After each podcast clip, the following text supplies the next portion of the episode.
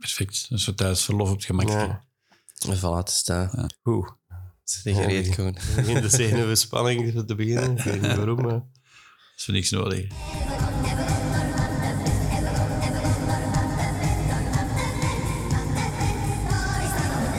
Goedemorgen, goedemiddag, goedenavond. Welkom weer bij een nieuwe podcast. Vandaag hebben we Steven Goegebuur te gast. Steven Goegebuur is comedian sinds 2007. Uit de Kempen. Ja, je moet, moet misschien niet heel zijn Wikipedia gaan voorlezen. Ah, ja. Dat is niet nodig. Eh. Ehm, we gaan er zometeen nog wel over, over, allee, over klappen en doen, dus ja. Maar mijn eerste vraag in de podcast is altijd, zeg je ooit bij Van de Ven gaan winkelen? Nee, maar ik weet wel waar dat Van de Ven eh, was eh, in een tijd. En eh, ik ben op die plek nog wel geweest. Maar er echt binnen geweest, denk ik niet. Maar het leken van de strangers, dat zit nog altijd in mijn hoofd. En we gaan, en we gaan Van de Ven. Gaan- dus dat blijft zo. Hetzelfde met het Amerikantje.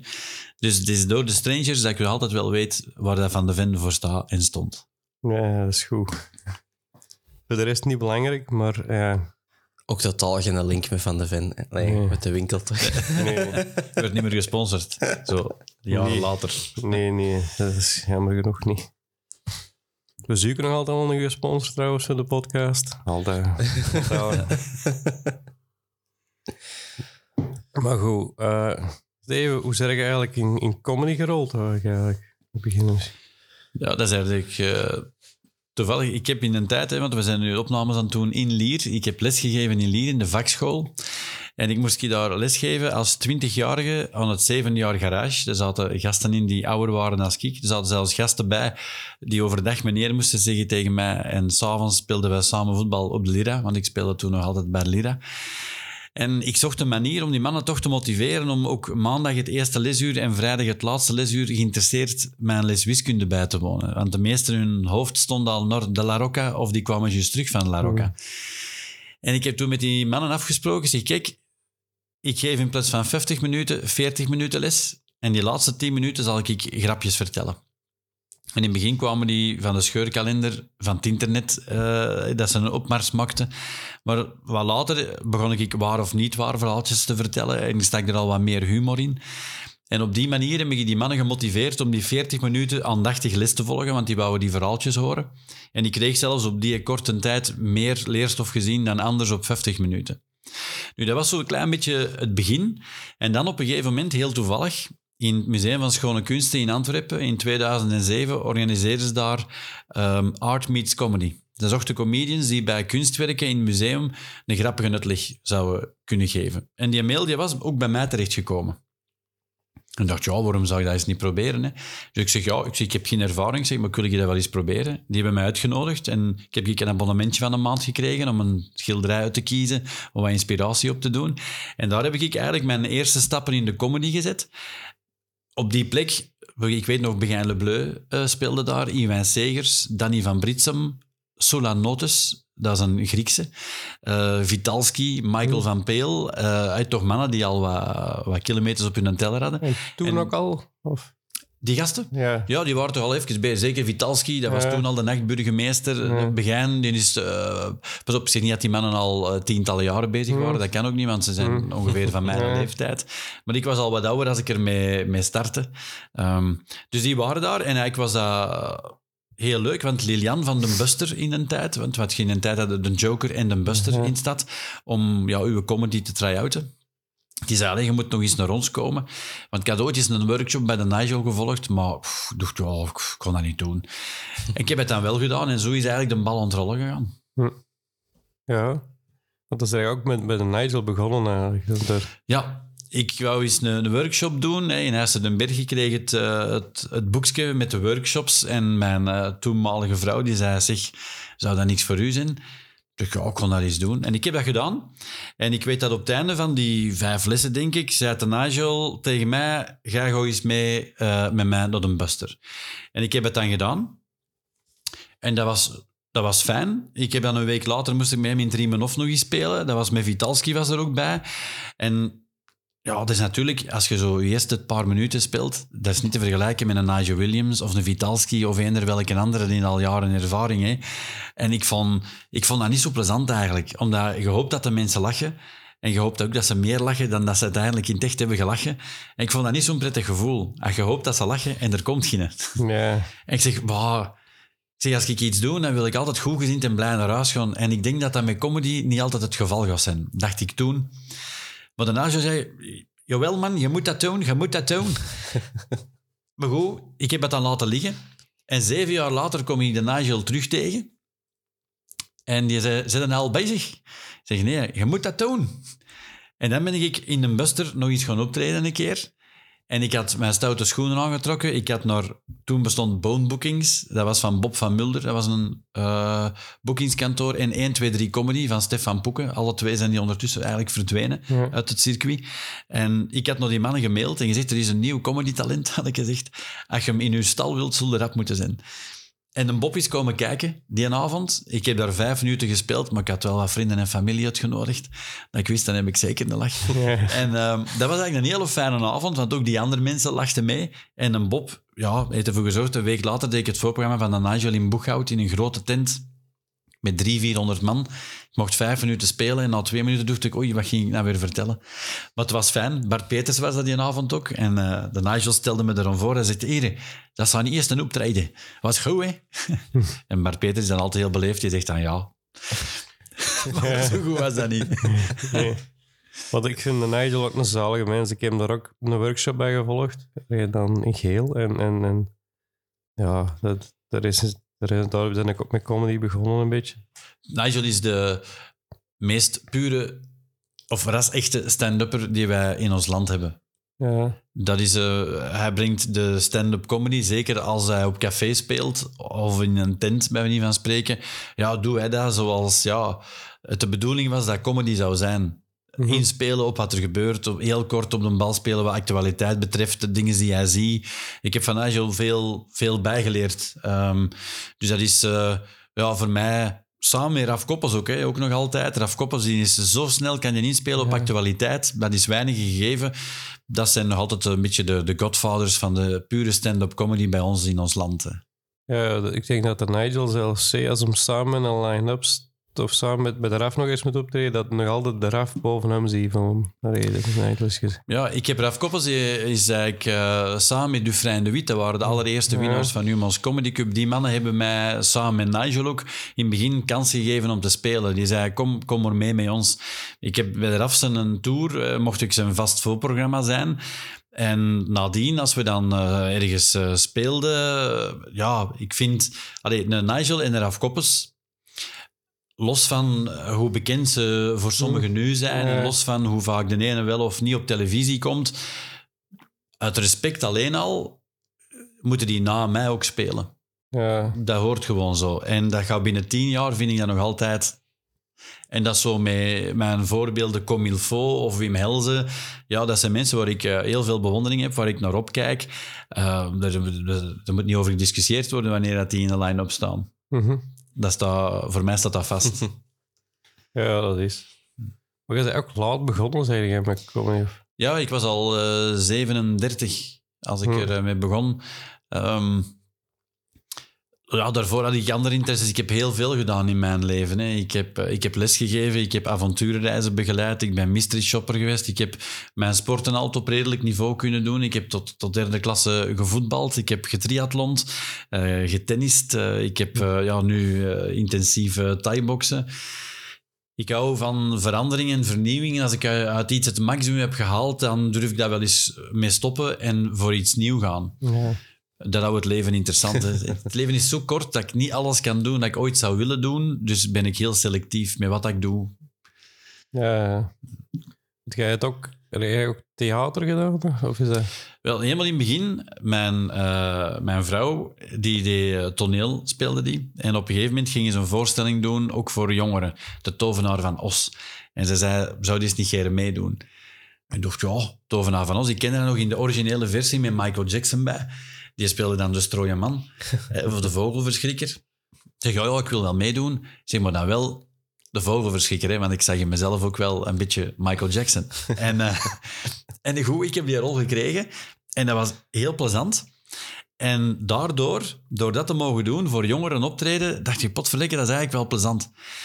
En in die periode, dat is een heel spijtig verhaal, uh, overlijdt een van mijn oud-leerlingen. Die jongen heeft naar aanleiding van pesterijen op school en daarbuiten zelfmoord gepleegd, de Johan. En ik dacht, ik, ik moet iets doen. Um, en ik heb een voorstelling geschreven over pesten op school. Straf heb ik die genoemd. En ik ben die dan, doordat ik eigenlijk ervoor toneel had mogen proeven, uh, bij toneelvereniging Pikuurtje uit Putten, ben ik, uh, heb ik die voorstelling geschreven. Ik ben daarmee beginnen toeren.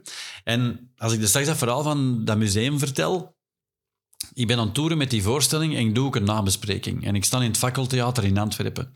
En ik speel er een aantal dagen naar elkaar. En op een gegeven moment komt de Nigel, passeert. En je ziet mij een stukje nabespreking doen. Want dat was toen in de foyer en de actrice bleef dan in de zaal. En um, zei, ga je ga je doen met die gasten? Dat is stand-up comedy. Je moet er iets mee doen. Nee? Maar ik dacht, ja, ja, Nigel, dat is goed.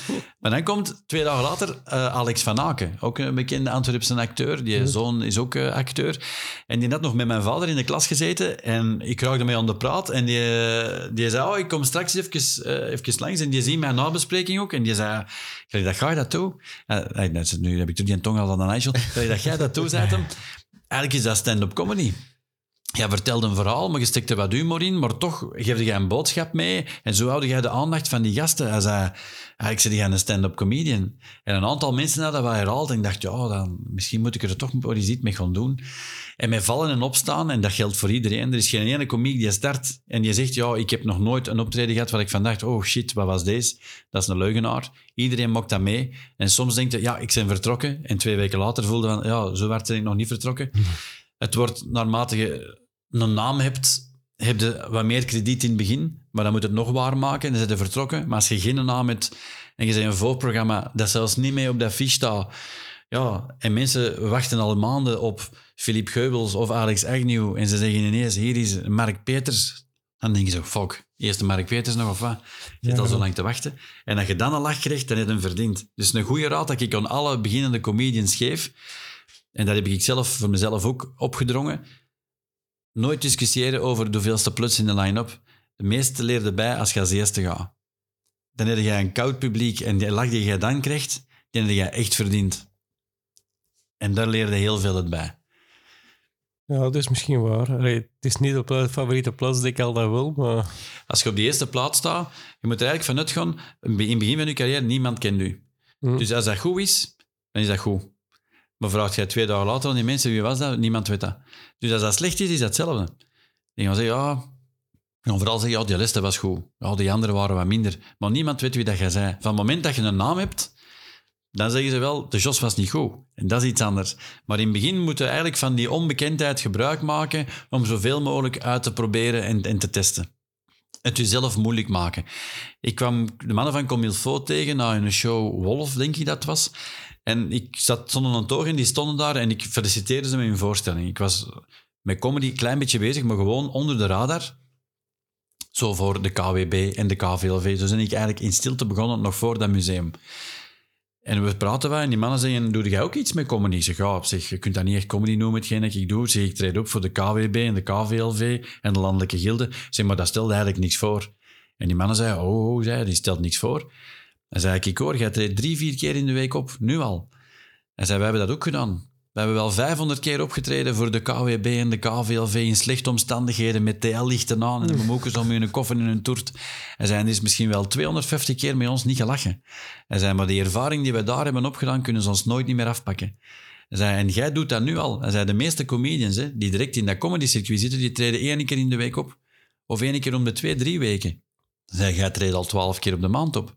En zij op een jaar tijd, die voorsprong die jij dan pakt, door in die slechte omstandigheden te spelen, dan zei dat is een onbetaalbare leerschool. Je moet dat blijven doen. En ik heb dat onthouden. En ik heb heel lang dat onder de radar ook gedaan. Plus dan die optredens in die cafés met de Nigel en al de rest. Ja, ik, ik trad al uh, honderden keren per seizoen op. Terwijl er heel veel waren die zeggen, ja, 15, 20 keren. Ja. En dat is, een, dat is een leerschool. Maar als je daar niet verlegen voor bent, dan gaat er heel veel uit bijleren. Eigenlijk, ego moeten we opzij zetten. In het begin is te bedoelen dat je op je bek gaat. En dan komt die een moment waarop dat je voldoende ervaring hebt en dat je kunt gaan genieten. En nu, ik genees op een podium, ik geniet ervan. Ik zeg altijd, ik ben twee uur per dag gelukkig, echt gelukkig, dat is als ik op een podium sta. Maar dat komt door in het begin even af te zien ook. Mhm. Ja, dat is afzien. Die, die schoolvoorstelling, speelde je die nog is dat- Ja, ondertussen is straf lachjes met een ander geworden. Ik heb er een solo-voorstelling van gemaakt. Vroeger deed ik dat met bekpoppen en met een actrice. Maar ik was die actrices eerlijk gezegd een klein beetje moe. Waren toffe dames, maar eh, ik ben eigenlijk liefst alleen op pad. Ik ben een beetje een eenzaad. En Mhm. deze voorstelling is heel interactief over pesten op school. Nog altijd dat verhaal van die Johan zit er nog altijd mee in. Maar het is eh, heel interactief. Ze moeten rollen spelen doen. We bespreken dat. Er zit ook humor in, maar ik hou ook tucht. Er zijn heel wat scholen die jonge leerkrachten laten komen kijken om te zien hoe dat ik zo'n moeilijke groep aanpak. Want ja, het leraar zijn zit ook al nog een klein beetje in mij. Dat gaat nooit helemaal verloren. Maar ik ben blij dat ik dat mag spelen. Het is ook jammer dat ik het moet spelen. Want dat wil zeggen dat pesten nog altijd een actueel thema is. Maar helaas gaat dat nooit helemaal verdwijnen. Ja. Nee, ik denk het ook niet. Het is jammer, hè, maar ik, ik, ik school ook wel een beetje gepest geweest. Dus daarom dat ik dat een beetje... Ja, Ja. dat is iets van alle tijden en dat zit in alle lagen van de bevolking. Alleen is de manier waarop het er gepest werd. Ik geef soms als voorbeeld, als je vroeger, als ik eh, tien jaar was, en dat is ondertussen al bijna veertig jaar geleden, en er werd iemand op school gepest, die wandelde naar huis en thuis worden veilig. Niemand kon u iets doen. Uw eigen kamertje was uw meest veilige plek. Maar als jij nu naar huis wandelt, kan het zijn, je doet je laptop open, dat je het nog hebt vlaggen op je eigen slopkamer. Ja. Zelfs in Spanje onder die palmboom kan het zijn dat je via je smartphone nog wordt lastiggevallen. Dus eigenlijk zit je nergens nog echt veilig. Ik durf eerlijk zeggen, ik ben blij dat ik toen jong was en niet nu, want het is nu nog moeilijker. Ja, dat denk ik ook. Ja, je smartphone is... is beseft dat misschien minder soms als, als, als een volwassener dan... dan, dan nu. Het is een eh, vergif. Hè. Ik heb ooit eens gezegd, als je een drankprobleem hebt en je bent met een auto aan het rijden, op een gegeven moment zeggen ze een alcoholslot. Jij moet eerst bewijzen, blazen. Oké, jij bent clean, jij bent sober, jij mag rijden. Dat zouden ze op Facebook en Instagram ook moeten zetten, maar een IQ-slot. Jij moet drie, vier vragen beantwoorden. Als je dat goed doet, dan mag je iets posten. Als je dat niet kunt, niet meer. En ik zou misschien ook niks niet meer mogen posten. Maar elke onnozelaar heeft nu een manier om aan heel de wereld Ja, zijn onzin en zijn zever te vertellen. Terwijl vroeger was dat een dorpsidioot. Dan zei iedereen, dat is een Jos, dat is een dorpsidioot. Allee, ik ken nu Jos, dat is voor mensen die het nu toevallig Jos noemen. Dat is maar een naam dat ik pak. Dat kan ook. Mark zijn, sorry Mark. Nee, maar, dus als ik, die, dan zei iedereen, ja, maar dat is een zot, daar moet je rekening mee houden. Maar nu heet je een platform en mensen zien alleen Jos of Mark staan en die zeggen, amai, moet je zien wat dat je allemaal schrijft. En als je, dan los, als je dan door de schrijffouten kijkt, dan denken de mensen, amai, zou dat nou waar zijn? Dus ineens, omdat niemand weet welke idioot dat, dat is, krijgt dat meer aandacht dan dat dat, Ja. dan dat, dat waard is. En dat is niet, dat is niet oké. Misschien moeten ze gewoon op Facebook zetten, kijk, als iemand iets post, iedereen die dat leest kan pas na 24 uur reageren. Er zouden heel veel mensen niet meer reageren. Dus een echte bullshit gaat eruit gefilterd worden, denk ik. Want het is zo'n vrije meningsuiting. Ja, ja, want je hebt ook meestal de mensen die dat... Het zijn meestal de negatieve dingen die dat rapper gepost en gedeeld worden dan, eh, dan de positieve dingen. En als dan inderdaad soms iets positief is... Allee, ja, we moeten het ook wel toegeven, heel veel mensen Zijn niet maken er allemaal zo'n al een good, good news show van, terwijl het ook niet allemaal pijs en vrees overal. Hè. Voilà, maar ik, ik had ook ooit eens gezegd, van, het nieuws is bijna altijd eh, negatief. De- Goed nieuws wordt bijna niet gebracht. Zeg, kunnen we niet één keer in de week een goed nieuwsshow brengen? Dan je, maar gaat niemand naar kijken. Niemand wil een half uur goed nieuws horen of zien. Mensen willen miseren, dat is... En dat is het jammere. Ik zeg altijd, er is genoeg zonlicht voor iedereen. Waarom willen zoveel mensen een schaduw zijn voor een ander? Er zijn veel mensen die hun geluk wordt bepaald door het ongeluk van een ander. Die zijn zelf niet Mhm. gelukkig, maar als een ander nog meer miseren heeft, dan voelt hij zich eigenlijk net iets beter. oh, het, is, het is nog va. Het gaat nog. Ja. maar dat is eigenlijk, is dat voor, eh, eigenlijk is dat voor niks nodig, vind ik, eh, vind ik zelf. Ik, ik hou ook voor het positieve. Het negatieve probeer ik zoveel mogelijk te bannen uit mijn leven. Maar ik geef dat aan die jonge gasten ook mee. Hè. Ik zeg, al hetgeen dat je schrijft op het internet, zouden ook in het echt vlak af tegen die persoon moeten durven zeggen. Ik zeg, anders moet het zo laten. Maar achter een schermpje, in een donkere, niemand rond u, is het heel gemakkelijk om maar te schrijven. Hè. Mhm. Eh, Je hebt nu dat programma op televisie ook, eh, dat gaat over die mensen die via het internet zoveel bagger over anderen, van Erik Goens, denk ik.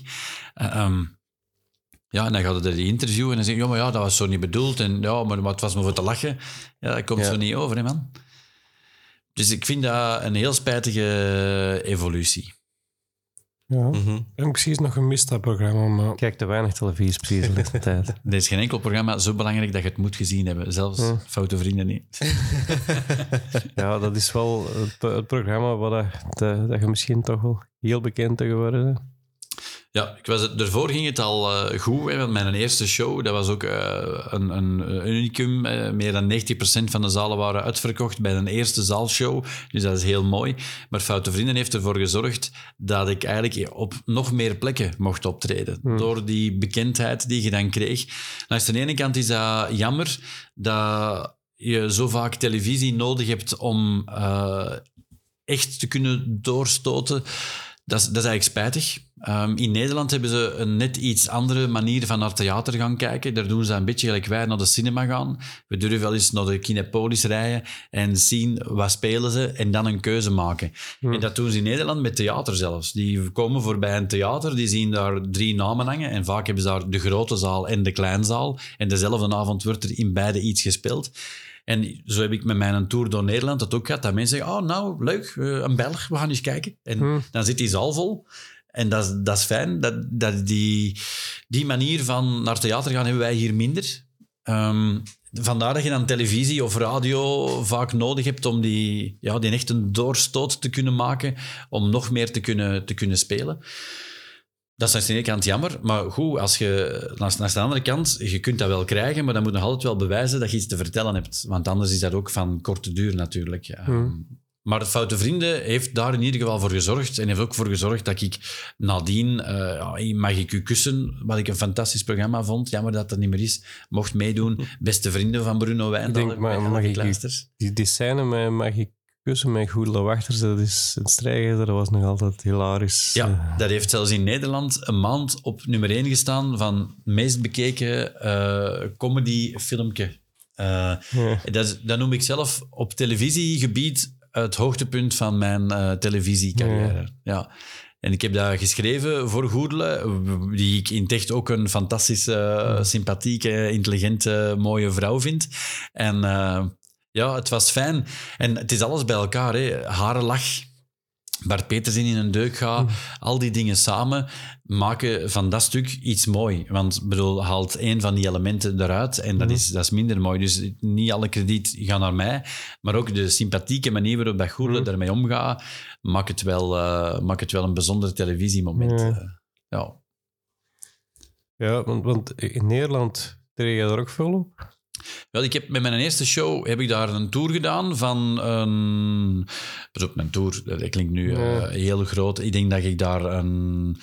Ja, ik ga zeggen, een vijftiental keer heb gaan, eh, gaan optreden in het seizoen. En ja, laat dat zeggen, de helft was uitverkocht. Nu, ik ga er ineens bij vertellen, want ik ben ook geen opschipper. Dat waren geen zalen van 800 man. Ja. Eh, Dat waren de zalen tot 200 tot 250 man. eh, die zalen waren dat. Dus ik mag dat ook niet groter dan dat is.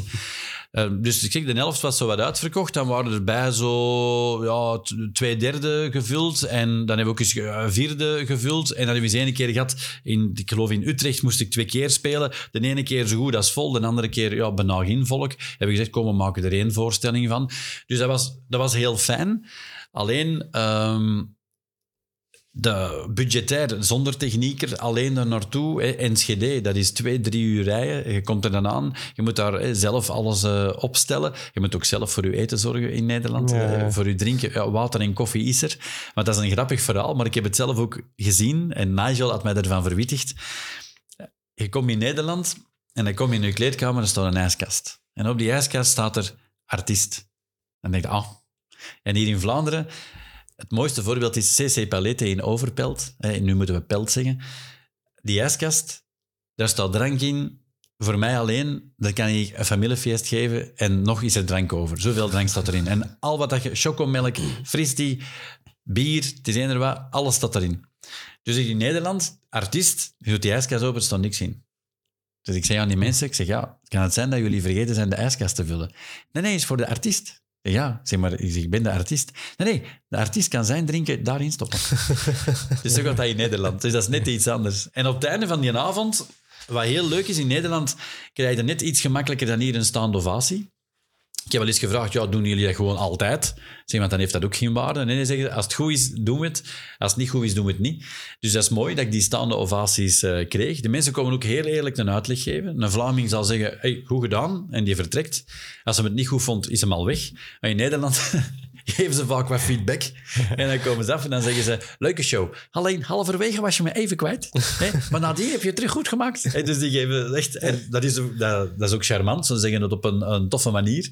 Ehm, maar dan moet je alles nog afbreken. En dan moet je weer helemaal alleen naar huis. Dat waren daguitstappen. Oh, en ik dacht, ja, eigenlijk vond ik... Voor de frequentie dat ik daar moest spelen, van, vind ik Vlaanderen eigenlijk groot genoeg. En moest ik daar nu kunnen zeggen, oké, we doen dat in blokjes. Je speelt drie dagen in een bepaalde regio en je blijft daar overnachten. En twee weken later speelde jij daar in die regio drie of vier voorstellingen en je kunt blijven overnachten. Is dat iets anders? Maar van Heist op den Berg, wat een heel slechte verbinding is met eender welk andere dorp in de wereld, Ja. elke keer te vertrekken, dat was toch wel... En de kinderen waren toen ook nog wat kleiner. Nu zou dat weer anders zijn. Ehm, dus als die kans zich voordoet, kan dat wel. Maar ja, welke kanalen heb ik in Nederland om mij bekender te maken? Die zijn er niet echt. Vroeger was het even de Wereld. Die waren fan van Foute Vrienden. Eigenlijk hadden we op, dat, op die moment dat we moeten kunnen uitspelen. Hadden we als artiest daar eens moeten kunnen zitten eh, met Ma- Matthijs van Nieuwkerken en dat hij eh, aan ons eens kunnen vragen, en wat doen jullie nog? En als je dan daar lanceert, ja, ik ben comedian en ik doe een tour door Nederland, dan is hij uitverkocht. Ja, En wat dat is, dat is iets... Misschien hebben we die trein net wat, wat gemist. mhm. Uh, want zoveel veel Vlamingen zijn er ook niet die in Nederland een geweldige carrière kunnen uitbouwen. Ik weet, Nee. Comil Fo kan dat, Wim Helze kan dat, Philippe Geubels eh, kan dat. Maar dan hebben we ze bijna gehad. ja, Ja, eh, Alex speelt er ook wel, maar dat is ook niet gelijk hier. Hè. nee. Eh, en Alex is hier in Vlaanderen de grootste, eh, wat, wat publiek trekken betreft. Ja, maar het is ook moeilijker, denk ik, Nederlands. Soms het, je, denkt dat dat dezelfde taal is, maar dat is niet. En, Wij, eh, wij zijn opgegroeid met de Ja. Nederlandse televisie. Hè. Ja. Mijn grootvader is Nederlander. Wij, de honeymoon show, weet en dat. ik zeg maar, eh, ome Willem. ik ben wat ouder dan scholen. Maar dat zijn allemaal dingen, daar zijn wij mee opgegroeid. Maar wij als Vlaming, en nu ga ik even tegen de schijnen van een Nederlander stampen. Wij hebben de intelligentie om uit de context de betekenis van een woord te halen. Dus als die bezig zijn over klittenband, kunnen wij uit de context halen, ah, dat is velcro. Als ik zeg velcro, dan zeg je niet, huh? Als wij uit de context kunnen halen, als zij het over, over poep, weten wij, ah, ze bedoelen kaka. Als ik het heb over poep, kunnen ze niet uit die context halen, het gaat over het achterwerk van zijn moeder. Als moeder een dikke poep, dan niet, hè? En wij kunnen dat, kunnen dat wel. Dus wat deed ik wel in Nederland? Van een bepaal, bepaalde termen op voorhand gaf ik even Nederlandse les. Dus dan vertel ik aan hen wat een schuldsaldoverzekering is, wat een schap is. Bij ons is een schap ook, borsten. Maar bij hun een schap, net iets anders. Poep, eh allee, noem maar op. Maar ook dat hun enthousiasme, als zij zeggen, wij zeggen de politie, omdat wij niet blij zijn dat we die tegenkomen, zij zeggen politie. Die lijken precies heel blij te zijn dat die Ja. mannen voorbij komen. En daar had ik het dan over en dat, dat gaf wel heel wat sympathie. En nadien, als die woorden dan voorkwamen, moest ik maar zo doen en dan wisten ze al, ah ja, het is dat. En dat was een leuke manier. En zo was een show in Nederland ja, weer net niet zoals hij in Vlaanderen was. En dat is ook wel plezant als artiest. Mhm. Ja. Nee. Eh, waar je ook nog... waar je straks hebben we voor bezig geweest, om iets anders te hebben. Je bent met kunst bezig. Ik was altijd al heel geïnteresseerd in kunst. hè, En, en toeval is dat eigenlijk, laten we zeggen, ik noem mijn eerste optreden was voor de, het Museum van Schone Kunsten, hè, voor de Venus Frigida van Rubens. Mhm. Dat hangt er nog altijd. Ik had er een tekstje over gemaakt dat ging over de Weight Watchers. Ik zei, ja, Rubens was eigenlijk de grondlegger van de Weight Watchers. En ehm, kunst heeft mij altijd eh, geïnteresseerd.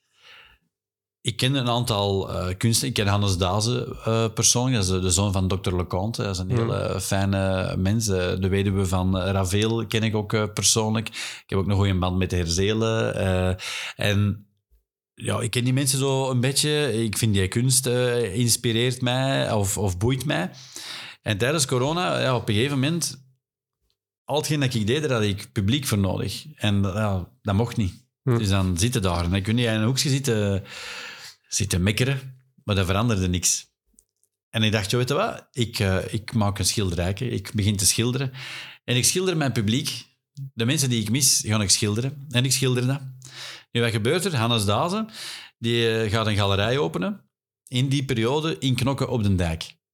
En dan zegt Steven, ik zoek nog twee artiesten om daar ook nog schilderijen hangen tussen mijn werk, dat van mijn moeder, Bega Dazen. En Bega Dazen is een bekende beeldhoudster. Uh, de zoon van uh, Jean-Claude Van Damme, die maakt ook kunst, die ging er ook hangen. Mhm. Werken van Herman Brood, enzovoort. En dan ik zoek er nog twee. Heb jij geen connectie? En ik stel twee mensen voor. Maar, ja, het een vond hem wat depressief, het ander zei hem, ja, dat past er niet echt bij. Ik, nee, ik zoek iets anders. En voor de grap stuur ik mijn werk door. Hij zegt, oh, van wie is dat? En vertelt er iets over. Zeg, joh, dat is van mijn eigen. Zeg, dat is mijn publiek dat ik mis. Al die mensen die erop staan zijn genderneutraal. Ze kunnen niet zien welk geslacht. Zeg, ze hebben geen gelaatsuitdrukking, maar toch kunnen zien naar waar iedereen kijkt. Zeg, het is universeel. Zeg, alle soorten kleuren door elkaar en dit en dat. Zeg, altijd kleurrijk. En het gaat vooral over uzelf durven zijn, uw eigen pad bewandelen.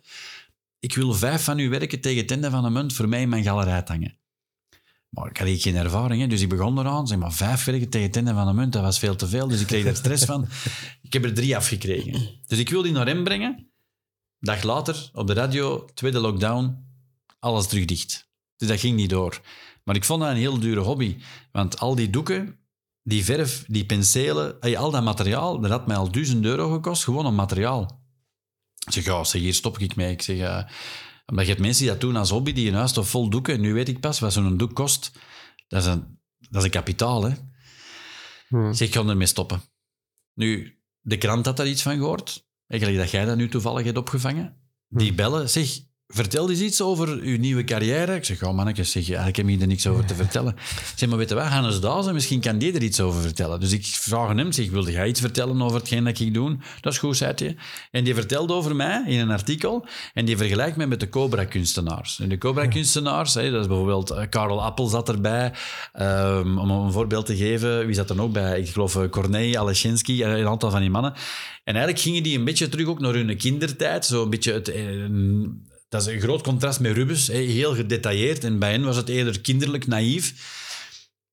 En toen is dat... Toen mensen dat lazen... Ik hang bij mensen in de living. Daar hangt Herman Brood en Karel Appel hangen in de gang. En ik hang in de living.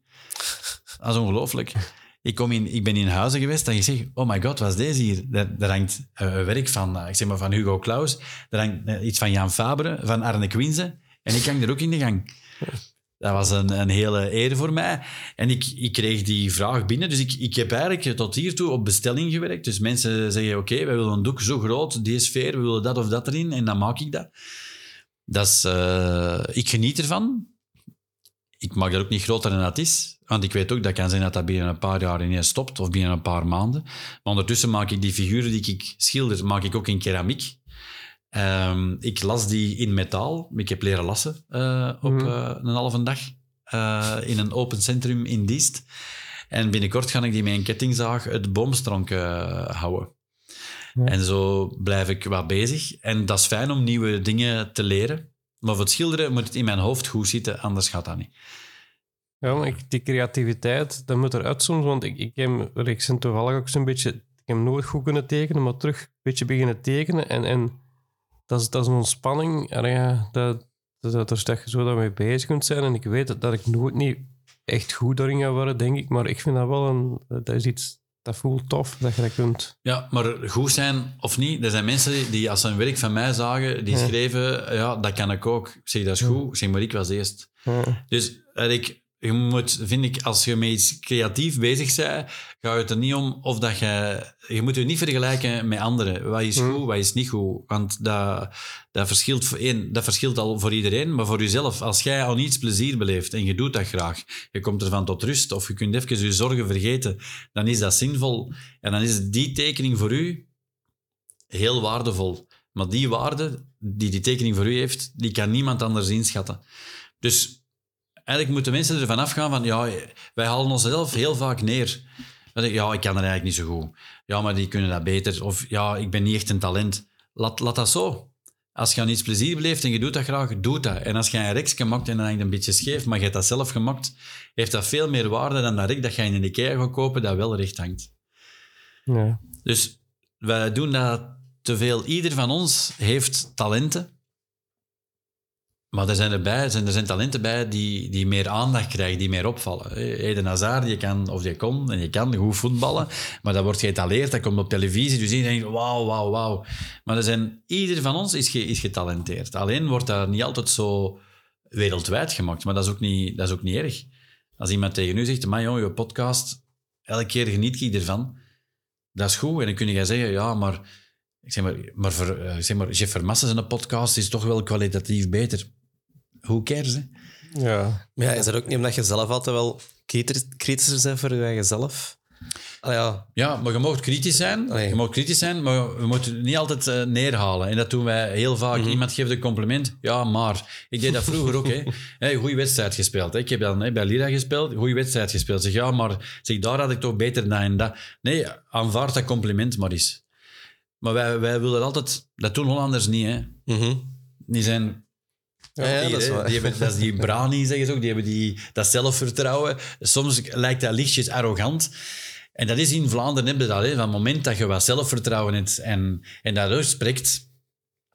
Bijvoorbeeld de, de, de Alex heeft dat... Die, zelf, die komt heel zelfzeker over. En die zegt, ik ben hier. En als die afgaat, komt je terug. En, eh, dat, is, dat is een held. Hè. En die, die straalt dat ook uit. Die, die zijn imago is zo. En de, het publiek dat hij heeft, aanvaardt dat. Die maakt er geen probleem van. Maar als ik zo opkom... Dan zeg je, oh, hij heeft in zijn staart gekregen. Dat, dus dat, is, dat hoort bij. Maar, en, en bij hem lukt dat, maar ik denk dat er weinig anderen zijn die zo moeten opkomen bij ons. Omdat de Vlaming heeft er dikwijls wel last mee. Maar de Nederlanders, die, Ja, ja. die komen op eh, en ja, die zaal is, eh, is van hun. Hè. Hetgeen dat Hans Theeuwen soms doet met zijn publiek en zo. Als een Vlaming dat doet, dan komt geen kat niet meer naar kijken. Hè. En dat is hetzelfde met eh, Theo Maassen. Als hier een Vlaming het fototoestel van iemand afpakt of zegt, mok dat uw kleine hier buiten is, dan denk ik dat je nog weinig volk gaat hebben. Ja. Mhm. En dat is een Vlaming ten opzichte van een Nederlander, dat is, dat is net iets anders. Maar die mannen ook in de line-up, die komen samen en nadien geven die feedback aan elkaar. hè. Die kunnen dat ook verdragen. Die zeggen, ja, maar daar had je beter dat of dit, of gaat dat zo moeten doen. En dan een andere tegen een andere. Maar hier bij ons is ieder een beetje voor zijn eigen. Hè. Ik wil scoren. En als ik score, is het goed. En trekt jij je plan maar een klein beetje. Terwijl, ik zeg altijd, ik heb geen concurrentie hè, in Vlaanderen. En dat is niet stoeven wat ik nu doe. Maar niemand is ik. Nee, nee, Ik ben de. Steven. En ik vertel met hoe, wie dat ik ben, hoe dat ik er sta, vertel ik mijn verhalen. Niemand vertelt mijn verhalen, dus wie is er concurrent? Alex Agnew heeft geen concurrentie in Vlaanderen. Philip Gubbels heeft dat niet. Eh, Tom Cole zie je nu opzomt. Hè. Eigenlijk Een beetje de vaste MC in geel ook eh, met- met- voor de comedy. Die heeft ook, wij, eigenlijk heeft niemand concurrentie. We zijn allemaal collega's.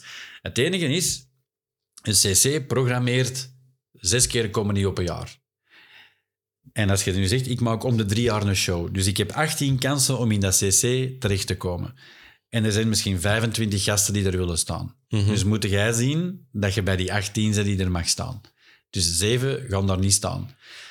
Dus je bent ook een beetje concurrent. Op die manier. Mhm. Ja, ja, ja, maar voor de rest is niemand concurrent. En het is dan de programmator die beslist dat hij programmeert wat hij graag hoort en ziet, of die programmeert wat zijn publiek graag hoort en ziet. En daar is dan ook nog, wordt ook nog een onderscheid in gemaakt. Mhm. Dus als die programmator u niet moet, dan staat jij er niet. En dan heb je programmatoren die de beide doen. Die de mix doen van ik ga wat programmeren wat ik graag zie en vind, het publiek moet dat leren kennen. En ik programmeer dingen waar ik van weet, oké, het publiek wil dat. En dan moet jij hopen dat, dat jij erbij bent. Maar daar kun je eigenlijk niks speciaal voor doen. Het is niet dat ik mijn best nog meer moet doen om een grotere kans te krijgen. Ik denk dat wij allemaal altijd ons uiterste best doen. En elke avond terug, want dat is het eigen aan onze job. Dat dat gisteren goed was, daar heb je van vandaag geen boodschap aan. Hè. Mhm. Je moet elke avond moet jij het beste van jezelf geven en er vol een bak voor gaan. Dat is het moeilijke aan de job. Of het, eh, maar dat geeft mij geen stress, omdat ik doe dat zo graag. Maar dat is ook het, het, het, mooie is ook dat je onmiddellijk ook al het feedback krijgt. Hè. Wie krijgt er, als jij een mooie kast maakt en die, die gaan naar het magazijn en die wordt bij die mensen geleverd, die mooie reactie die mensen geven als ze die mooie kast zien komen, die krijg jij niet. En die krijg je dat wel. Ik een goede grap vertel, krijg ik die lach. Dus ik word elke keer geëvalueerd. En als ik geen lach krijg, weet je, ah, eh, even een minder evaluatie. En als je dan terug die grote lach krijgt, en dan een applaus, zeg je, ah, deze was wel echt goed. En dat is, dat is, dat is fijn. Maar Nigel, om nog eens erbij te halen, die zei, en ik heb het altijd goed onthouden, het is nooit zo goed als dat je denkt, maar het is ook nooit niet zo slecht als dat je denkt. Zei dus in beide kanten. Als je denkt, dat mij was deze voor een kut optreden. Hij zei, het zal dan echt wel kut geweest zijn, maar nooit zo kut als dat jij denkt. En als jij denkt van, maar deze was toch echt wel bangelijk. Hij zei, dan zal het wel goed geweest zijn, maar toch nooit niet zo goed als dat jij denkt. En Hmm. daar houdt een mens wat bescheiden en realistisch, denk ik. Ja, nee, want soms, ik, ik heb ook al optredens gehad dat ik, dat ik denk van, dat was eigenlijk niet zo goed. En, en dan komen er toch mensen naar rijden, ah, tof, een avond en dingen. En dan denk ik, oh ja, dat is goed. Dan, hè, maar, eh, Maar het is uit die optredens dat je ook veel leert. Ja, En dat moet het zijn en blijven kritisch voor jezelf. Ik zeg, je moet je niet neerhalen, maar wel kritisch zijn voor jezelf. Zelfs als je denkt van deze zit perfect, dan nog kan het altijd beter. Mhm. Maar dat, je moet dat niet krampachtig achter zoeken altijd. Soms ontstaat dat spontaan. Ik heb ooit een grap die ik al jaren deed en die goed marcheerde. En op een gegeven moment vertel ik die grap, maar ik verslik mij even. Waardoor dat ik een pauzeke van twee seconden langer heb dan anders. Die lach was dubbel zo groot. ja. Door een toevalligheid gemerkt van... Tot als ik hier nu net iets langer wachtte, valt dat nog beter. En dat is een leerschool. Maar daar moeten open voor blijven staan. En die mannen die zo zeggen, na een grap, eh, niet, oké, schrappen. Hè? Want dan krijg je ze lachesje. Als je zegt schrappen. Ja, als je dat 50 keer naar elkaar, is er eigenlijk geen goede grap, dan moeten die schrappen. Want het grapje schrappen heeft iedereen al gemaakt. Dus dan moeten ze schrappen en moet een ander eh, schrijven. Want het is gelijk in de tuin werken, hè, comedy. Snoeien doet groeien. Je hebt een half uur, ah, een paar dingetjes eruit, je terug een kwartier. Je maakt er terug 20 minuten van, oké, dat is wat sterker. Je maakt er 25 van, ah, ergens een dipje. Oké, ik ga terug, wat, terug 20 minuten. En zo is dat gelijk een harmonica, die gaat wat bijeen, die gaat wat... En op een gegeven moment heb je, hup, die een blok, die goed marcheert. En dan kun je met een tijd, na een, als je zo'n half uur hebt, zo na een kwartier, het is goed bezig, je kan eens vijf minuutjes iets nieuw proberen. Hup, stik dat ertussen, want het publiek is warm. Marcheert dat? Dat goed. Marcheert dat niet? Dus niks, ik heb nog een kwartier daarna waar, ik, waar ik ze terug mee krijg. En zo kun je zo moeten spelen. Maar het jezelf niet te gemakkelijk maken. ja. Ja. En als zo'n een- iemand in de krant, gelijk Karel Michiels, een recensie schrijft zo, doet hij iets of leest hij zoiets allemaal niet? Wel, eh, jawel. Ik, eh, ik lees dat wel. Alhoewel dat ik eh, heel kritisch ben voor recensies. Hm. Want dat is de mening van ene mens die die avond komt kijken. En ik vind dat elke recensent die zijn mening schrijft, erbij moet schrijven, dat is ook maar mijn mening. Ik heb ooit iemand een recensie, en dat was niet Karel Michiels, voor alle duidelijkheid.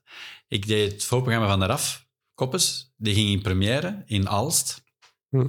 dat jaar. En die zaal ging in een deuk. Die waren heel een tijd aan het lachen. En ik las die recensie en die brak dat volledig af.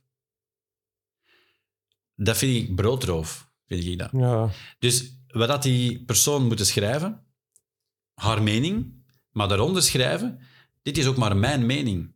Want het publiek dacht er duidelijk anders over. Want zij hebben wel de hele tijd moeten lachen. Ik niet. Dat is een groot verschil. En die ballen moeten die recensenten hebben om dat zo te schrijven.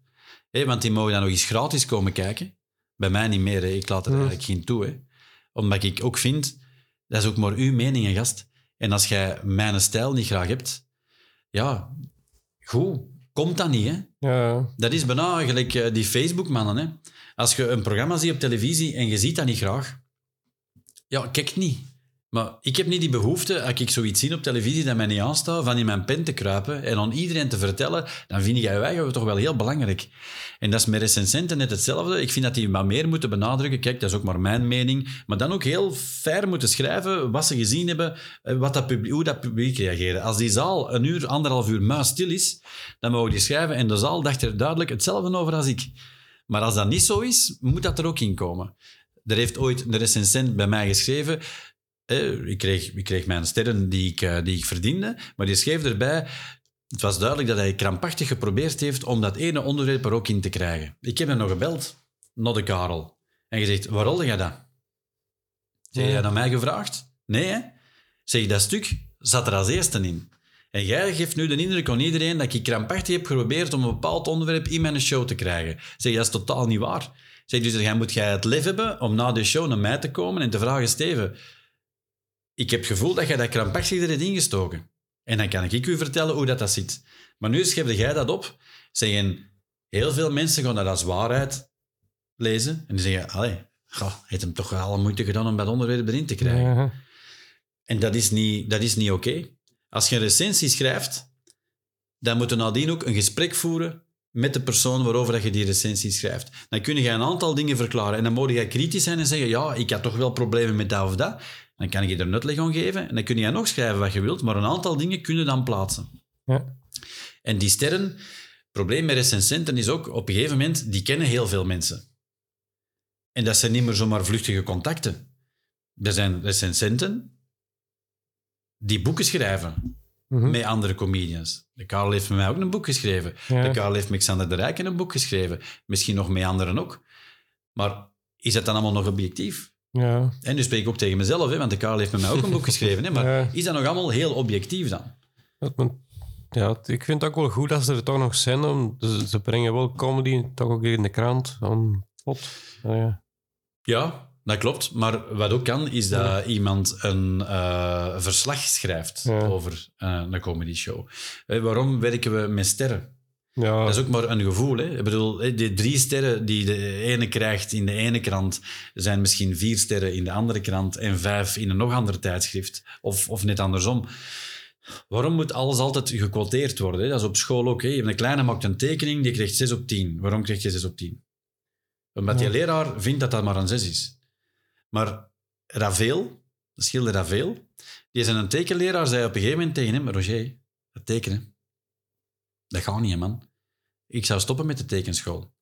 Je moet eens een Ravel proberen te kopen. Als wij met allemaal Mhm. samen liggen hier in Lier, hebben we, niet, hebben we geen geld genoeg om er te betalen. Mhm. Ik heb in mijn jeugd niet anders geweten. In de lagere school zeiden ze, Steven, iets met taal is niks voor u. In het middelbaar zeiden ze, wetenschappen en wiskunde, dat gaat niet gaan. Ik ben met onderscheiding leraar wiskunde geworden. Mijn job bestaat alleen nog maar uit taal. Ik ben nu aan mijn derde boek aan het schrijven. En mijn leraar PO zei, als ze voor u tekenpotloden kopen, dat is weggesmeten geld. Ik heb een werk staan in een galerij in Saint-Tropez. Ze hebben dat tegen mij ook allemaal gezegd, het was niet goed. Maar die heeft mij gelukkig gemotiveerd om te laten zien, ik kan dat wel. Maar ik ben ook realist en ook heel veel dingen die ik niet kan. Maar ik weet wat ik wel kan. En op mijn manier. En dat is met net hetzelfde. Een show kan ook groeien.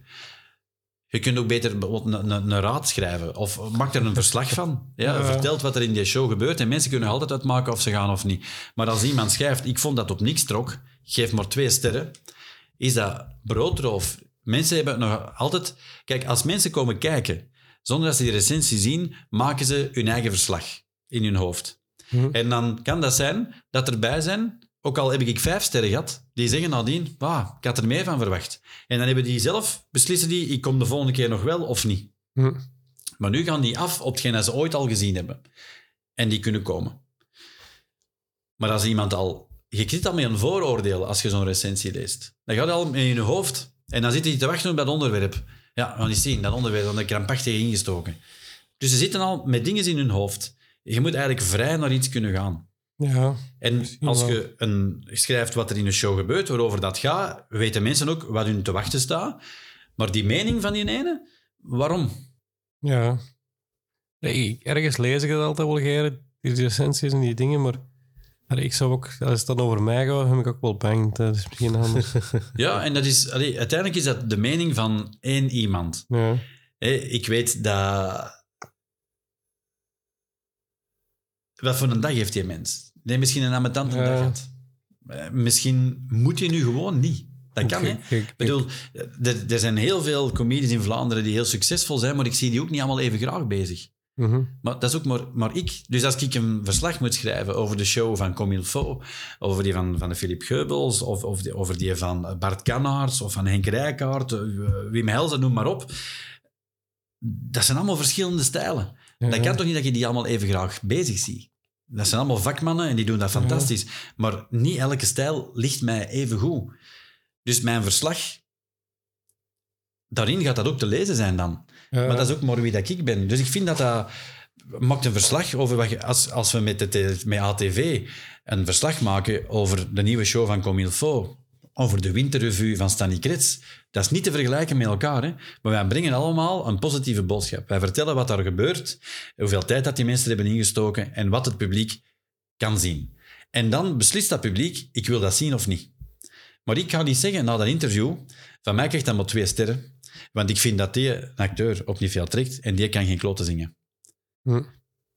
Er is al zoveel negativiteit. Laat dat zo. Maak, er, maak ook daar iets positiefs van. En laat de mensen zelf hun ding doen. En de mooiste recensie is, als ik na deze show volgend jaar ergens speel en die zaal is leeg, dan heb ik mijn recensie gehad hoor, over de vorige show. Ja. Zeg maar, je zei het juist over dat je aan een boek bezig zelf. Dus daar... Ja. Dus ik heb er al twee geschreven. Een derde boek is eigenlijk het verhaal achter de huidige show, achter Mankracht, die ik nog één seizoen eh, speel. Hm. En ehm, het boek heet ehm, Ik ga naar de psycholoog. Je zou zot zijn als je het niet deed. En dat is een beetje het verhaal achter de show. Ik, ik ga al eh, een hele tijd naar de psycholoog. En ik vertel in dat verhaal waarom ik daar naartoe ben gegaan, wat dat met mij doet, eh, waarom ik het nog altijd doe. Maar vooral ook probeer ik een taboe wat weg te nemen, want veel mensen denken nog altijd dat je naar een psycholoog gaat, dat je een beetje keroïet hebt, eh, dat je ze niet meer allemaal op een rijken hebt, wat totaal niet waar is. Soms is dat gewoon een veilige plek waar dat je, zonder dat je moet nadenken over wie gaat er allemaal te weten komen, eh, hoe gaan ze reageren, dat je dat daar rustig kunt doen in een veilige omgeving. Maar het gaat ook over een aantal vragen waar ik zelf mee zit. En ik geef één voorbeeldje. Iemand uit uw kennissenkring of op, op, uw, op uw werk heeft een burn-out. Het werk is hem te veel, hij kan het niet meer aan. Die hebben we echt voorgeschreven, jij moet een tijd thuis blijven. Goed, het werk is een trigger waardoor dat die mens zich niet goed voelt. Wat doe ik dan als collega? Ga ik die bellen?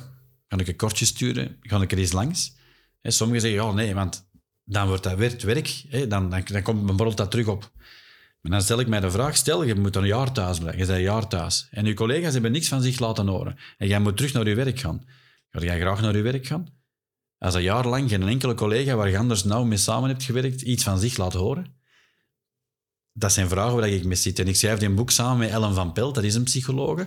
Dat is dan... eh, eh, haar expertise wordt daarmee verwerkt. Er zijn nog een aantal mensen die we gaan eh, interviewen, waar we het verhaal van mee gaan integreren omdat zijn vrouw waar veel mensen mee zitten. Als je als kind van 12 jaar nu met een probleem zit, zeggen ze, er is een wachtlijst van een half jaar. Dus als ouder krijg je te horen, je kind heeft het moeilijk, heeft hulp nodig, maar wacht nog maar een half jaar. Dus nog een half jaar langer in de miserie, ongelukkig zijn. En dat is als ouder, dat is het ergste dat het is, een ongelukkig kind. Een ziek kind hebben, dat is heel erg. Maar een ongelukkig kind hebben, dat is ook heel, heel erg. En dat is, eigenlijk, dat is eigenlijk straf. En ook over die dingen heb ik het in, in mijn verhaal. Hè, de Johan, eh, waar ik over vertelde, die zelfmoord heeft gepleegd. Ja, wat als toen de Johan op een of andere manier wat hulp had gekregen? Dat ze die wat hadden sterker kunnen maken, wat meer vertrouwen hadden gegeven. En dat is ook een boodschap naar het onderwijs. Hè. Je hebt tien resultaten op je rapport en twee slechte. Waarop wordt er vooral gefocust op die twee slechte? En ik heb het als leraar in een tijd ook anders gedaan. Zelf Frans en godsdienst was niet goed. Dan begon ik over die goede punten. En op een gegeven moment schreef ik dan, zeg, moest hij nu elke week ook eens naar een cd van Vanessa Paradis luisteren, of eens naar, of- en zondags naar de kerk gaan, zouden ook Frans en godsdienst misschien net iets beter zijn. Dat is op een ludieke manier verteld, daar moet hem iets beter zijn best voor doen. Maar wij focussen altijd op het negatieve. En in elke show die ik speel, probeer ik er zo'n boodschap in te steken. En de boodschappen die ik krijg in mijn shows worden altijd gegeven door mensen waar we op neerkijken. In deze show is dat Frutella en de Mark. Dat zijn twee, op het eerste zicht voor veel mensen zo wat marginale, maar die geven mij een boodschap. In de show ervoor, in, eh, eh, hoe heette de show ervoor? De man van, eh, de man van morgen. De Patrick, dat is een jongen met een beperking. Ik zeg op een gegeven moment tegen de Patrick, zeg Patrick, wat gaat uw moeke zeggen van die vuil vlek op uw t-shirt? En hij zegt, Steven, door die vlek kun je zien hoe proper dat al de rest nog is. Maar wij focussen ons altijd op dat negatieve puntje en al het mooie er rond vergeten we. En het is een kunst om jongeren bewust te maken van hun talenten. En op school wordt dat heel vaak, niet altijd, maar heel vaak wat afgeknot. Ik, had twee ik ga één voorbeeld geven nog. Twee ambetante leerlingen in de klas. Het was moeilijk om die te motiveren. Want eigenlijk moesten die vooral naar hun voeten geven. En dan wordt dat op een duur moeilijk, want je hoort jezelf ook zagen. hè. Als je met tante kinderen, je moet altijd zagen. Ja, op een duur, hoe, wanneer heb je nog eens een mooi momentje samen?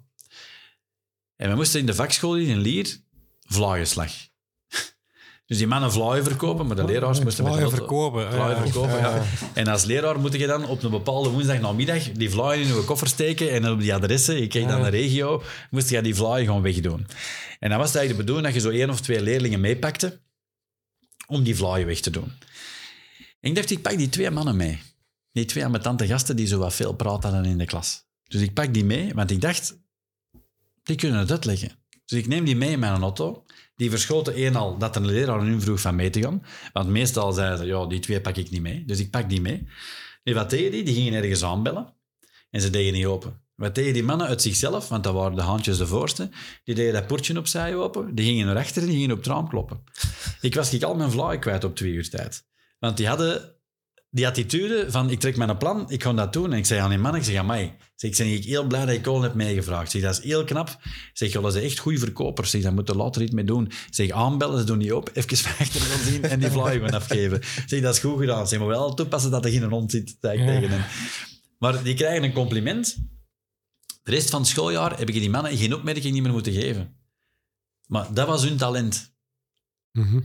En dat is iets dat we in elk kind ook wat moeten zoeken en soms dat wat benadrukken. En oké, we zijn niet allemaal even slim. Ik had ook liever zo slim geweest dat ik F-16-piloot had kunnen worden. Maar dat is mij ook niet gelukt. Maar dat is geen falen. Nee. Ik heb uiteindelijk een ander talent gevonden. En vroeger had ik stress om een spreekbeurt te doen. Hè. Ik, ik weet er niet goed van. Hè. Een spreekbeurt in de klas, oh my god. En nu, hoe meer volk, hoe liever. Maar dat is omdat op een bepaald moment dat ik mensen ben tegengekomen die zeiden, Steven, daar zit jij goed in, hè? Het is door foute vrienden. Op een gegeven moment zei de regisseur, Steven, jij zet de man, eender wat, jij lult je overal uit. Dat is uw dingen. En aan het begin zei ze, oké, begin, jij, jij kunt dat goed spelen, dat je een beetje, beetje de loser bent. Begin is geen loser, een fantastische gast. Ja, ik- verstandige kerel. Ik heb nog pas naar zo'n vogel dingen gaan Ja, zien. een Dus. hele goede verteller. Ik bedoel, is eh, een super gast. Geron en een Thomas ook. Hm. En een Thomas heeft dan, oké, die durft alles zeggen. Hè. De Geron, trekt zijn van geen, Ja. geen hol iets aan. En dat, dat, dat, zijn, dat zijn op dat moment zijn dat sterktes. En als je dat gelooft, worden daar nog, nog, nog beter in. Vroeger dacht ik, ja, als ik interactie doe, als ik die vraag stel, wat zouden ze kunnen antwoorden? En wat gaan ze doen? Dan, dus ik probeerde mij voor te bereiden. Nu, ik laat dat los. Van de week heb ik opgetreden in, eh, hoe, noemt, hoe noemt het daar, in Vossum. Dat is eh, tegen is Vlaams-Brabant. Er was iemand uit Ternat. Er is zo'n interactie gebeurd dat je zegt, eigenlijk zou je dat moeten opschrijven, maar je kunt dat niet opschrijven en je mocht dat niet opschrijven, want dat is daar op die moment is dat fantastisch en op een andere plek niet. Maar het is door die, dat vertrouwen dat ik heb in mezelf nu, dat dat ook lukt en dat er ook altijd iets komt. Dus ik denk nu altijd, er komt wel iets. Op een gegeven moment komt er iets. Maar dat is zodat mensen hun talent hebben benoemd. En dan worden daar vaak, als je er wat bewuster van wordt, worden daar sterker in. En dan moeten wij meer doen. Ik was laatst in, in een winkel waar ze sneakers verkochten. Er waren twee verkopers met heel veel streken en één gast die keihard werkte. En op een gegeven moment komen er wat leerlingen uit Genk binnen. Het was in Brugge dat ik was. En die leerlingen uit Genk, die herkennen mij en zeggen, oh, foute vrienden, maar op de foto... Ik zeg, allee, vooruit, kom. Ik heb op de foto met al die leerlingen. Die twee verkopers met streken, ineens, oh, dat is hier van foute vrienden. Het aan het door. Dus die beginnen ineens zo wat... Ik sta aan de kassa bij de gast die keihard werkte. En die met zijn streken zegt over die van de kassa, ja, hij is nog maar juist bezig. Als hij een fout maakt, moet hij maar tegen mij zeggen. En ik geef mijn eh, schoenen aan die gast. Ik zeg, eh, ik zeg, ik ben blij dat jij mij hebt geholpen. Zeg, zeg jij bent vriendelijk. Zeg, jij werkt door. Jij verkoopt geen show. Zeg, en als jij spreekt met mij, zeg, kijk jij mij ook aan. Jij weet niet aan tijd rond te kijken, waar loopt er hier een schoon vrouw rond, omdat je die liever zou helpen. Zeg, dat doen de collega's wel. En ik zei aan een ander, ik zeg, de kans is groot, zeg, dat binnen een paar weken dat jij naar hem moet luisteren. De gast die mijn Mm. schoenen aan mij verkocht, hè, die is een dag gewoon niet meer stuk. Hè. Die zei, dankjewel meneer. Ik zeg, ja, maar je doet dat goed. Ik zeg, blijf zo. Ja. En ik doe dat. Ik geef complimenten. Ik was in Bobbejaanland van de week met mijn kinderen. Er is een gast die moet heel een dag zeggen... Alles losmaken. Dus als je dat kerken komt, moeten we het centuur losmaken. Dus die moet dat heel de dag zeggen. Alles losmaken. Maar die is altijd kei enthousiast. En ik was een half uur aan het aanschuiven, dus ik heb dat ik weet niet dikwijls gehoord. En ik zei aan hem, ik zei wel, uw enthousiasme. Ik zeg, vind dat knap, man. Ik zeg, dat je dat heel de dag zo doet. Ik zeg, proficiat. Dankjewel, meneer, zei hij. Die was, ik weet nu blij. Dat kost mij niks, hè. Maar ik maak iemand blij. En uiteindelijk geeft zijn reactie mij ook een goed gevoel. Ja, je, weet dat bij jezelf ook echt een compliment krijgt. eh, dat en Ja, dat, dat, doet, dat doet deugd. ja. Dat, dat maakt mensen beter en sterker. En ik zeg altijd, als iemand iets fout doet, heel vaak weet je dat zelf ook. Hé, als jij nu subiet je glas koffie laat vallen, of je tas koffie laat vallen, dan moet je niet zeggen, "Allee, wat doe je nu? Jij weet wat je gedaan hebt, hè? je gaat je tas koffie laten vallen. Ik, ik kan ook zeggen van, ja, je speelt geen rol, hè, man. Zeg, we kussen dat subiet wel op. Dat geeft een heel ander gevoel. Maar daar zijn mensen soms te weinig mee bezig. En ik vind dat we meer voor dat positieve moeten gaan. En allemaal samen krijgen we dat veranderd. Mhm. Ja, dat is... ik- vind... Ik heb een presentator op een festival, denk ik, in Geel. Festival Special. Ja, deze jaar niet, maar in huis doe ik het nog altijd. Ja. Ja, dat is, zo'n, dat is een dag waar dat ik ongelooflijk veel energie krijg. Je ziet daar mensen die eh, eh, verstandelijk ehm, minder hebben meegekregen dan wij. Maar als je ziet hoe spontaan dat die zijn... Soms zeggen wij, dat zijn mensen met een beperking. Hè? Wij leggen onszelf veel meer beperkingen op dan zij. Als wij die vlek hebben op onze trui, denken we heel de dag, godverdomme, die vlek. Je zoekt een schalken om erover te doen of we doen een extra trui aan. Die mannen zeggen, vlek, vlek. Hup, er is niemand die nog met die vlek in zit. Die komen nu knuffelen, die komen, die komen doen. Die zijn, die zijn nog vrij. Als die daar dansen, die trekken daar geen bal van aan. Als wij naar een trouwfeest gaan en danst iemand waar raar, zijn we onder één bezig. Hier, ze is bezig. Ja, ze heeft schoenen uitgedaan, ze zal te veel gedronken hebben. Ja, hola. Ja, ze is vertrokken. Terwijl die mannen, die doen, hè. En er is geen kat die, daar, die, die, die uitlacht of die daar een commentaar op heeft. Hoe schoon is dat? Ja, en het is ook een festival met een gewone line-up eigenlijk. hè. Dat eigenlijk... Ja, want ze gaan niet voor het cliché. Ik heb er Wimmeke Punk al zien Ja. spelen. eh, Eva de Rovere heb ik er al zien optreden. De Fixkes. Slongs die van ons is, is een vastgegeven. Die doet Ja. het fantastisch eh, met die mensen. Maar eh, dingen, De Mens heeft er vorig jaar opgetreden. Dus het is niet, bij mij aan spreken, alleen maar eh hoempapa. Alles, hè. Ja. En die gaan... Fantastisch is dat. Dat is het, dat is het publiek dat iedereen wilt. Mhm. Ja, ik, ik, heb er zelf ook les van naartoe gaan, maar ik vind, vind dat dat weer zelf niet zo... want ik voel me eigenlijk nog... Mag ik dat zeggen? Heel normaal, maar... Ja, maar, Maar- dat is, dat is een, een plek. eh, iedereen is daar eh, welkom. Allee, het wordt speciaal georganiseerd. Meestal zijn dat groepen die van Mm. ergens komen om er naartoe te gaan. Maar de Roel van CC in, eh, in de Werf in, in Geel, ja, dat is een gast met een hart voor comedy, maar ook een gast met een groot hart die mensen ehm, ja, bijeenbrengt en probeert ja, iets aan te bieden en soms ook iets nieuw. Er zijn al catchers geweest daar. Eh, dan mocht die man eens mee catchen. Op een gegeven moment mogen die van Slongs mee op dat podium. Bij de mens mocht hij dat ook. Dat is ongelooflijk. Eh, dingen heeft er ook. Rick de Leeuw heeft daar opgetreden voor die gasten. Ja, en ook die mensen, hè, die, die, die gaan daar goed mee om. De rol weet ook wel wie dat hem uitnodigt. Hè, want je moet Ja. daar ook mee om kunnen. Eh, maar dat zijn allemaal mensen met een groot hart. Mensen die, zeg altijd, mensen die in buitengewoon onderwijs lesgeven. Of in zo'n eh, huis werken waar mensen met een, met een beperking eh, wonen. Ja, dat, dat, zijn, dat zijn mensen met een groot hart. Anders zou dat niet volgen. Die, die wereld ligt bij mij ook wel redelijk nauw. Allee, ik, ik kwam uit een buitengewoon onderwijs, dus ja, en, en Hm. ik werk ook in een maatwerkbedrijf, dus, dus ik zie, ik heb wel collega's die daar wel naartoe zouden gaan. En, en allee, ik Ja. heb een, de zware autisten die met mij wel ik samenwerk, dus, Ja. Dus ik komt heel dicht soms, denk ik. Ja. Ja, maar als je en naar de Roel zal bellen en zegt van eh, mag ik eens niet komen kijken of eh, doen, dan maakt je er geen probleem van. En uiteindelijk is iedereen is daar gelijk. Hè? Dus het gaat er niet over eh, wie dat de slimste of de knapste is, of de best geklede, of, of de, de dunste of de dikste. Iedereen doet daar en daar voel je je op je gemak. Iedereen zegt goeiedag. Hm. Dat is een, heel, een heel fijn gebeuren. Het is knap dat dat, dat, dat bestaat en ik hoop dat dat nog lang eh, mag ja. bestaan. Ja, want eh, ik heb al in de podcast gehad met de Roel en hebben we het er ook eens over gehad, denk ik. Ja. dus, Ja, voilà, voilà, je kent de Roel. Dat is, eh, ja. De Roel is ook iemand, Tom Koppers en CC Palete, ja, die zijn er nog heel wat. Hè. De Sam van Bonheide. Hm. Ja, het zijn mensen met een, eh, met een groot hart die ja, iedereen iets gunnen. Hè. Ja. Dat is mooi. Goed. Eh, ik, ik had ook nog wat vraagjes allee, door- die ik altijd in de podcast stel. En Ja. daar moet ik eens overlopen. Eh, En ik vraag dan altijd, wat het eerste cd was die je ooit gekocht had of zo? Of eerst singeltje?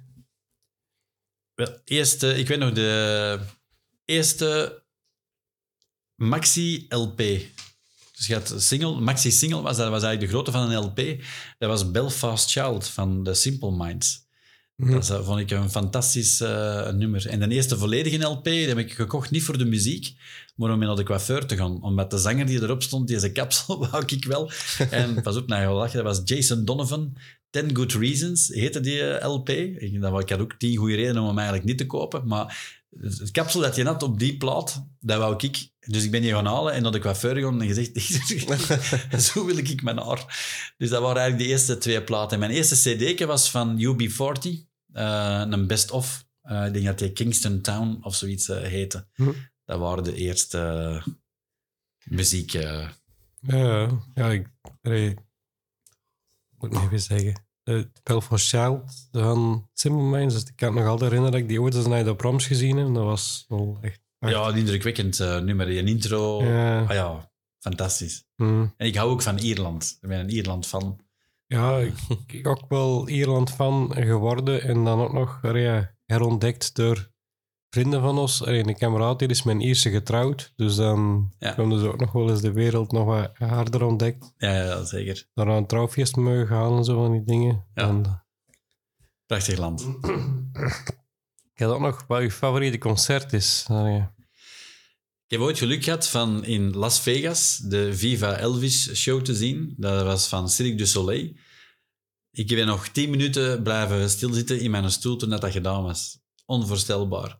En die cd heb ik nog gekregen van Peter Verbrugge. Dat was de voorzitter van de Elvis Matters fanclub. Die schreef voor het eh, nieuwsblad. Of het laatste nieuws, dat wil ik nu even kwijt. Ondertussen is die man helaas overleden, maar ik heb die cd nog altijd. En dat is mijn lievelings-cd ook. Mijn kinderen vragen soms zelf om die op te zetten. Want al die Elvis-nummers zijn eigenlijk wat gepimpt, wat opgevrolijkt, wat meer bas en, eh, en, en ritme in. Dat is, eh, ja, prachtig. Maar die show op zich al, alleen al... Ja, ik, ik heb een moment ik tranen in mijn ogen gehad. Ook al ben ik... eh, ah, je kan wel geëmotioneerd zijn door, door sportgebeurtenissen en door, door goede dingen die ik zie. Maar zoiets had ik nog nooit van mijn leven gezien. Hm. Dat was... eh, Dat was Cirque du Soleil. Van Cirque du Soleil, de. Viva Elvis Show. Dus dat ging over het leven van Elvis. Maar die, hoe dat, dat begon, ja, Elvis had zo'n intro-nummer van eh pup, pup, pup, Sa- Zarathustra. Ik weet niet hoe dat, dat helemaal noemt, maar ik moet dat maar eens opzoeken. Ja, die intro. Ooit dacht ik, oh, ik wil met mijn show ooit zo ook opkomen, met dat Mm. nummer. Maar mijn regisseur, Bart van Uffelen van Marta Tentatief, die zei al, Steven, maar dat je zo opkomt, gelijk dan Elvis, dan verwachten ze ook wel dat er ineens iets kei spectaculair gaat gebeuren. En uiteindelijk zei hij, dan ga je gewoon beginnen vertellen. En zei dus, laat ons het iets bescheidener houden als je opkomt. Dus, eh, maar dat is iets dat, mij, dat ik nooit zal vergeten, die show. Ja. Nee, want... Ja. De, jij werkt ook met een regisseur. Die Ja. oh. Ja, ik heb een theaterregisseur die eh, voor mij eh, het verhaal in doog houdt. Dus ik schrijf, ik schrijf alles, ik eh, bedenk alles. Maar hij is degene die ervoor zorgt dat de show ook altijd echt een verhaal is. En dat er een spanningsboog is en dat, dat er ook... ehm, dat een mix is tussen humor, maar ook emotie. Want er zijn mensen die wel eens een zakdoek moeten pakken als ik iets vertel in mijn show, omdat ze ontroerd zijn. Maar ik weet, binnen 30 seconden gaan die terug lachen. En dat is iets waar ik die theaterregisseur voor geëngageerd heb, eh, Mm. dan altijd. Ja. Ja. Nee, nee, maar ik kan dat wel snappen. Want ik denk ook wel dat vaak die combinatie er te maken door ehm, niet alleen, alleen maar humor te brengen, maar ook die emotie erbij te steken, dat die twee ook elkaar wel gaan eh, versterken op sommige momenten. Dat dat, eh, ja, dat klopt. Omdat, eigenlijk is dat soms een momentje van rust ook. Want hey, anderhalf uur, een uur en drie kwartier aan een stuk keihard lachen, dat is niet vol te houden. Dus af en toe is een rustmoment nodig. En kun je even gewoon verhalend zijn. Maar in dat verhalend zijn ja, moet er nog altijd iets te vertellen hebben. Dat is één. En als dat die emotie kan opwekken, dan wil dat zeggen dat het beeld dat jij wilt scheppen bij de mensen echt wel binnenkomt. Mhm. Ja. Dus een stilte, of iemand die slikt of zijn zakdoek moet pakken, dat is evenveel waard als een applaus of een grote lach. Uh, en die mix, en dat heb ik eigenlijk, mijn grote voorbeeld is Ricky Gervais. Ja, ja, ja. Eh, Als je... Trouwens, ik heb die leren kennen door Alex Agnew. Hm. Ik had ooit de Comedy Vedette Cup gewonnen. Dat was de eerste comedywedstrijd die ik ooit won. En ik had als prijs, mocht ik het voorprogramma doen van Alex Agnew. Dus als prijs mocht ik gewoon werken.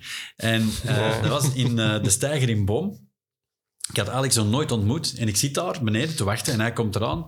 Ja, doe maar aan iemand denken. Maar ik weet niet meer wie. Allee. En na, na, na tien of minuten, een kwartier zit hem... Ricky Gervais. Ik had er nooit van gehoord dat dat iemand van de platte keis was. Dus, dus ik ging dat opzoeken. En ik zag wel een, iets wat gelijkenis, uh, vooral als we onze lach als we, als we spelen. En um, ben daar gaan opzoeken en ik zag, uh, in, zowel in The Office als in Extras, je is soms aan het lachen, maar terwijl je lacht, voelt ook soms die pijn. Of dat drama dat erin zit. Maar iets later zijn terug aan het lachen. Maar soms denk je van, oh my, deze is ook wel gênant of, of ontroerend. En dat vond ik zo mooi, dat ik dacht, elke show, want ik ben daar... De eerste show zat daar niet in, de tweede een beetje op het einde, de derde al wat meer, en nu is dat bijna een golfbeweging. Vind ik dat mooi om daarmee te spelen. Die emotie, op die lach, terug even uh, vastpakken, up, terug die lach. En dat is eigenlijk um, ja, een beetje geïnspireerd door, uh, door... Ik vergelijk me er niet mee, want dat is wereldtop, maar mm -hmm. dat, dat, dat, heb ik van hem een beetje proberen over te nemen. Ja, ja. ja het is ja. Dat ook dat, dat ook hem dat ik in mijn hoofd had. Ja. Omdat ook in die, de recente serie um, Afterlife ja. en in Derek zit dat ook allemaal in dat, je, dat er momenten zijn dat je inderdaad je zakdoek moet bovenhalen. Ja. Uh, terwijl het dan iets later dat je weer aan het lachen bent. Maar uh, ja, die combinatie die werkt gewoon keihard. Ja, ik vind dat mooi. Dat is, uh, en het is, het is fijn, hè? want ik hoor die stilte dan en dan weet ik, oké, okay, maar Sevens gaan ze terug lachen. Want mm -hmm. dat is natuurlijk nog altijd wel de hoofdzaak in een comedy show, ja. dat er gelachen wordt. Maar het mag soms een beetje ja, iets, een dingen erin brengen, vind ik. Een, een, een, een ja. gevoel. Ja. Want Ricky Rivedian is dan ook series beginnen maken. Ja. ja. Zou dat zelf wordt? Ja, ja dat, dat zou mooi zijn, omdat ik... Uh, ik heb nu mogen proeven, in Assise 3 deed ik mee. Frank van Laken en James Cook hadden mij gevraagd of ik wilde meedoen. Nu, dat is een paar keer verplaatst, waardoor dat uiteindelijk dat ik niet meer kon meedoen, omdat twee dagen voor de première eerste lockdown. Hmm. Paar keer verplaatst, ja, en dan stond de première van mijn eigen showprogramma. En dat, ja, dat is uiteindelijk mijn hoofdjob, dus dan, dan ging het niet meer. Ik heb ervan mogen proeven, want ja, ik stond hier op de planken met Francesca Van Tiele, Sandrine André, fantastische Je hebt die repetities gedaan, maar ik heb ja. niet kunnen spelen. Ja, tot, tot, dus, tot twee dagen voor de première. Zelfs een dag voor de avant-première. Ja. Ineens zeggen ze, ja, heb gedaan. Heel jammer, omdat ja, er kon ook eens een andere Steven zien. Hè. Ik heb Mm. daar moeten huilen op podium. En ik wist niet dat ik dat kon, maar ik kan dat. Dus traantjes laten tijdens een voorstelling. Ja, maar ik heb dan Sandrine André, ongelooflijke actrice, die heeft mij ook geholpen. Die heeft mij Ja. eh, extra gesteund en, en tips gegeven. Die is met mij apart gaan repeteren. Frank van Laken ook. Die mens heeft met David Suchet samengewerkt. Ik weet niet of je naam u iets zegt. Dat is Hercule Poirot, uit de serie Hercule Poirot. Dat is Ah. mijn grote voorbeeld als eh, acteur. Allee, ik vind dat fantastisch hoe dat hij dat doet. Die heeft daarmee samengewerkt. En nu werkt hij met mij. Voor mij was Ja. dat... Zal jij, nee, het is aan David Suchet gezegd, doe dat. En nu zeg je tegen mij, ja, veel meer doet dat. maar dat, dat zo... Allee, ik geniet van mijn job. Ik doe die zo graag. Ik heb dingen mogen beleven waar ik twintig jaar geleden nooit van kon dromen dat ik ze zou beleven. Maar dat zou wel mooi zijn. En zoiets in een sitcom of het een of het ander mogen meedoen. En dan liefst iets dat ver staat van wie de mensen denken dat ik ben. Mensen hebben wel een idee van wie dat ik ben, maar ik ben zo niet. ik zou ook wel eens het zwaar krapulletje willen spelen in een of andere film. Gelijk, ik zeg maar iets, eh, in, eh, gelijk eh, Manu Kersting, fantastische kerel, Ja. in, in Crimi Clowns Ja. ja, zo, dat wil ik ook wel eens doen. Of iets anders, hè, gelijk in Afterlife, zo. Maar je weet, wie weet komt dat ooit op mijn pad. Als dat niet is, is dat geen, eh, geen schande. Als dat wel is, eh, dus dat is een oproep. ja. Ik vond de serie Geupels in België, maar ik vond van de Geupels ook wel geweldig. Hey. Ja, ik zie zelf weinig televisie, dus ik, ik, heb, dat, ik heb er fragmentjes van gezien. Maar dat is, ja... Er mag terug meer geïnvesteerd worden in goede comedy op televisie, denk ik. Ja. Ja, dat, maar het is ook niet gemakkelijk, goede Nee. comedy maken. Uh, dat is iets heel persoonlijk. Iedereen heeft er een mening over. En een serieuze voorstelling schrijven... En ik uh, ga niemand tegen de schenen, maar dat is, eigenlijk is dat net iets gemakkelijker dan een even lange voorstelling schrijven waar heel een tijd in moet gelachen worden. Hm. Ja. Uh, ik had toch nog de vraag van ja, wie jouw favoriete comedian is. Dat hebben we juist overlopen, denk ik. Ja, wereldwijd Ricky Gervais. En dan hebben we nog Wim Helze en Hm. Comilfo. Dat zijn Hm. zo wat... Uh, ja. Ja. Uh, heb jij een favoriete schilder of kunstenaar? Ja, ja ik heb wel uh, favoriete schilders en kunstenaars. Uh, ja, bij mij, het verhaal achter de persoon vind ik vaak ook uh, niet onbelangrijk. maar ik ben wel fan echt van Ravel. Ehm, ook omdat hij ja, ook te horen kreeg van pff, lot het. Ehm, Hannes Dazen, omdat hij ook te horen had gekregen, ja, je kunt niet dat en je kunt dit niet. En uiteindelijk heb je het voort en je doet het toch. Ehm, Hmm. En Herman Brood. ehm, ik heb het geluk van daar ook eh, iets van te hebben. Ja, die zijn levensloop was ook niet de meest eh, eenvoudige Nee. levensloop. En als je ziet hoe dat je dan eh, op een gegeven moment soms zijn rekeningen betaalde, dat was door dingen op kortjes te schrijven en te doen. Maar die heeft toch ook ja, heel wat wijze dingen gezegd. Ook al heeft hij helaas ja, eh, ervoor gekozen om eh, ja, niet onder ons te, te blijven. Maar ik vind ehm, ja, het verhaal achter werken vaak belangrijk. Je hebt zo Anton Heijboer bijvoorbeeld, dat is een Nederlander slash Surinamer. Die leefde samen met, eh, geloof vijf of zes vrouwen leven die samen. En die maakte vooral schilderijen van kiekjes. Vind ik dan grappig dat die vooral schilderijen maakt met kiekjes Hm. op, opgeschilderd. Maar het, zijn, het is zo, ja... Dus ik, ik, ik heb wel bewondering voor, eh, voor velen. Maar de eerste drie die ik opsom, eh, dat zijn de eerste drie die nu in mijn hoofd opkomen. Jij hebt ook wel een beetje kunst dan. Hè? Ja, ik heb wel, eh, ik heb wel hier en daar iets, iets hangen, omdat ik dat mooi vind. En af en toe geef ik dat een andere plaats, omdat ik het fijn vind dat als mensen binnenkomen, dat ze denken, oh, ging jij die aan de vorige keer? Nee, dat ging, eh, dat ging iets anders. Ehm, maar dat is, eh, dat is bescheiden. Hè? Maar ik heb bijvoorbeeld een aantal cartoons van, origineel cartoons van Kamagurka gekocht Ja. en laten inkaderen. En in plaats van van die eh zeemzoete spreukjes op je toilet hangen, zijn dat bij mij cartoons van eh Kamagurka. Ja, maar dus voor de podcast waren we ook even over Jules bezig. Ja. Eh, Ja, Jules is degene die mijn allereerste klein tattoo gezet heeft, die B+, B positief. Dat is ook de naam van mijn zaak, omdat ik ook ja, probeer positief te blijven in het leven. Ehm, dus eh, nu heb ik daar minder eh, contact mee. Maar ja, de graffiti-kunst... Ik geniet van heel veel vormen van kunst. Mm. Eigenlijk rappen, dat vind ik fantastisch. Zo'n Eminem vind ik Ja. onvoorstelbaar. Eh, en ook dat je dan, als je dan optreedt, dat je diezelfde tekst nog eens terugzegt. Ik vind dat ongelooflijk. Dus eh, ik dacht zelf ook dat ik een rapper was. En ik heb een nummer geschreven. Ik ben dan naar Lunaman gegaan. Dat die heeft bijvoorbeeld ook al songs van ons geproduceerd, door Islam C. Luna Girl, dat nummer, dat is van hem. Je moet dat maar eens opzoeken. Dat is een fantastische kerel. En ik kwam bij hem en eh, ik begin met dat nummer. Eh, we gaan het anders doen. Dus ik zei uiteindelijk, ik ben geen rapper. Dat hebben we vastgesteld. Eh, maar we gaan er wel iets mee doen, want het is de bedoeling van binnen x aantal tijd een LP uit te brengen, rond het thema ook, waarover dat mijn boek gaat en mijn educatieve voorstelling over uw eigen pad bewandelen, My Way. Hm. Eh, in uzelf geloven, dromen najagen, u niet laten neerhalen, in uw eigen talenten geloven. En daar ga ik, ja, er komt nog meer nieuws over, dat is een klein scoopje dat je krijgt. Ehm, dus die... eh, ja, ik bewonder heel veel mensen. Ik ben niet jaloers op anderen, maar ik kan wel bewonderen. Als iemand een mooie auto heeft, denk ik niet waarom ik het niet. Dan denk ik, amai, dat moet fijn zijn om in die auto te mogen rondrijden. Hm. Het moet fijn zijn, gelijk Golle, om de podcast te kunnen maken, om eh je apparatuur te hebben, om het goed te kunnen fine-tunen. Ja, dat moet fijn Mhm. zijn dat je dat, dat je dat kunt en dat je dat durft doen.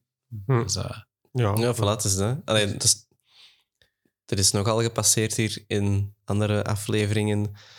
Eh, ik denk dat het een Ben Ramsdonk was dat dat zei. Van het beste is van, op zijn minst, van het moment dat je al gestart bent met iets te doen, sta je eigenlijk al zoveel stappen verder dan iedereen dat er eigenlijk nog maar over bezig is van, oh, ik zou dat willen doen. ik Eh, dat aan ook al is het niet goed, allee, maar je bent al wel bezig. En dat is al zoveel beter dan, dan dat je nog Ik zeg aan jongeren, je moet je dromen najagen. Nee. Ik zeg, maar je gaat niet elke droom kunnen waarmaken. Ik zeg, maar als je er alles aan gedaan hebt om die een droom waar te maken en het is je niet gelukt, zijn je nog altijd een winnaar. Want Mhm. je hebt het geprobeerd. Ja. Ik Zeg, dat is nog altijd veel beter dan diegene die op het einde van zijn leven zegt ik had dat en dat en dat en dat moeten proberen en het nooit gedaan heeft. Zeg, als je twijfelt om te springen, zeg, durf springen. En het is niet erg van iets te falen, want uiteindelijk uit dat falen gaat ook geleerd hebben, sowieso.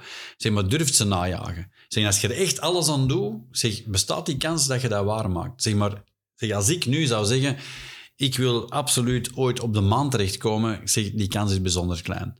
Zeg, maar als ik zou zeggen van, ik hoop ooit dat er een liedje van mij op de radio gespeeld wordt en ik ga daar alles aan doen, zeg, dan bestaat die kans wel echt. Zeg, maar dan moet ik er ook zelf in geloven. Want veel mensen zeggen, ja, maar dat gaat niet lukken. Dan lukt het niet. Mhm. En je zegt, ik ga dat doen. Dat komt in orde. Ik Hm. kan dat kunnen. En je doet er alles aan en je laat je goed omringen, want je moet niet altijd alles alleen doen. Je mocht soms hulp vragen. Dat is, ook als je in de miserie zit, er is niks mis mee met hulp te vragen. Want ik vind dat een sterkte. Jij zegt, kijk, ik krijg het alleen niet opgelost, maar ik wil het oplossen. Ik vraag hulp. Dat is geen teken van zwakte. Je Mhm. moet er moed voor hebben om hulp te Ja, vragen. ja, ja, zeker. In dat hoekje blijven zitten, daar lost er niks mee op. Dus dat is mooi ook dat die, dat die persoon dat toen eh, gezegd heeft. Je moet, eh, je moet durven en in, in jezelf Mhm. geloven. En dan kan er veel. Ja, Ja, voilà. dat, dat rappen is toch iets wat ik in dat kijk zie. Dus, eh, Het, zal meer, het is meer... eh, ja, het, het zal anders zijn. Maar eh wat komt goed. nee, het, is, het is ergens dat ik, dat ik zelf ook een beetje mijn comedy-idee zit om iets met rappen te doen. Maar en Mm. ik ben ook wel een redelijke fan van Slons en van- vooral die Nederlandstalige rapdingen zo. Dat, dat vond ik wel... Ja, de Ruppelsoldaten, die hebben mij eigenlijk de Hmm. duwke gegeven om naar eh Lunaman te gaan. Dus ik was bij Peter Hoogland op de radio tijdens corona en eh, het ging... eh, ik probeer altijd mensen iets te gunnen. Ik kan een voorbeeld geven. Als ze op de radio dan vragen welk nummer wilde dat gedraaid, dan vraag ik iets van Slons of van de Ruppelsoldaten of van Lunaman. Omdat dat zijn fijne mensen. Ik gun die ook iets. Ik kan ook iets vragen van George Michael. Ja. Ja, wat is er ermee? Laatst was ik in een programma op ATV voor over wonen. En daar ging het ook over kunst en over dit en over dat. En dan zeg ik, oké, ah, ik vertel iets over Herzelen. Herzelen, ik heb die graag. Die man die leeft nog, dus ik vertel iets over hem. We hebben de kamer van mijn dochter, die met graffiti bewerkt is door Jules. Maar dat is mijn zoon. Deze kamer moet ook nog gedaan worden. Maar dat programma werd gesponsord door Heilen. Heilen is een sponsor van Antwerpen. Ik zeg ja, onze Arthur, en dat is ook zo, supporter van Antwerpen, je zou graag een Antwerp-stadion hebben in zijn kamer. Dat is goed voor de Heilen. En zo probeer ik altijd, als ik dan iets vertel, maar na te denken en wie kan ik hier...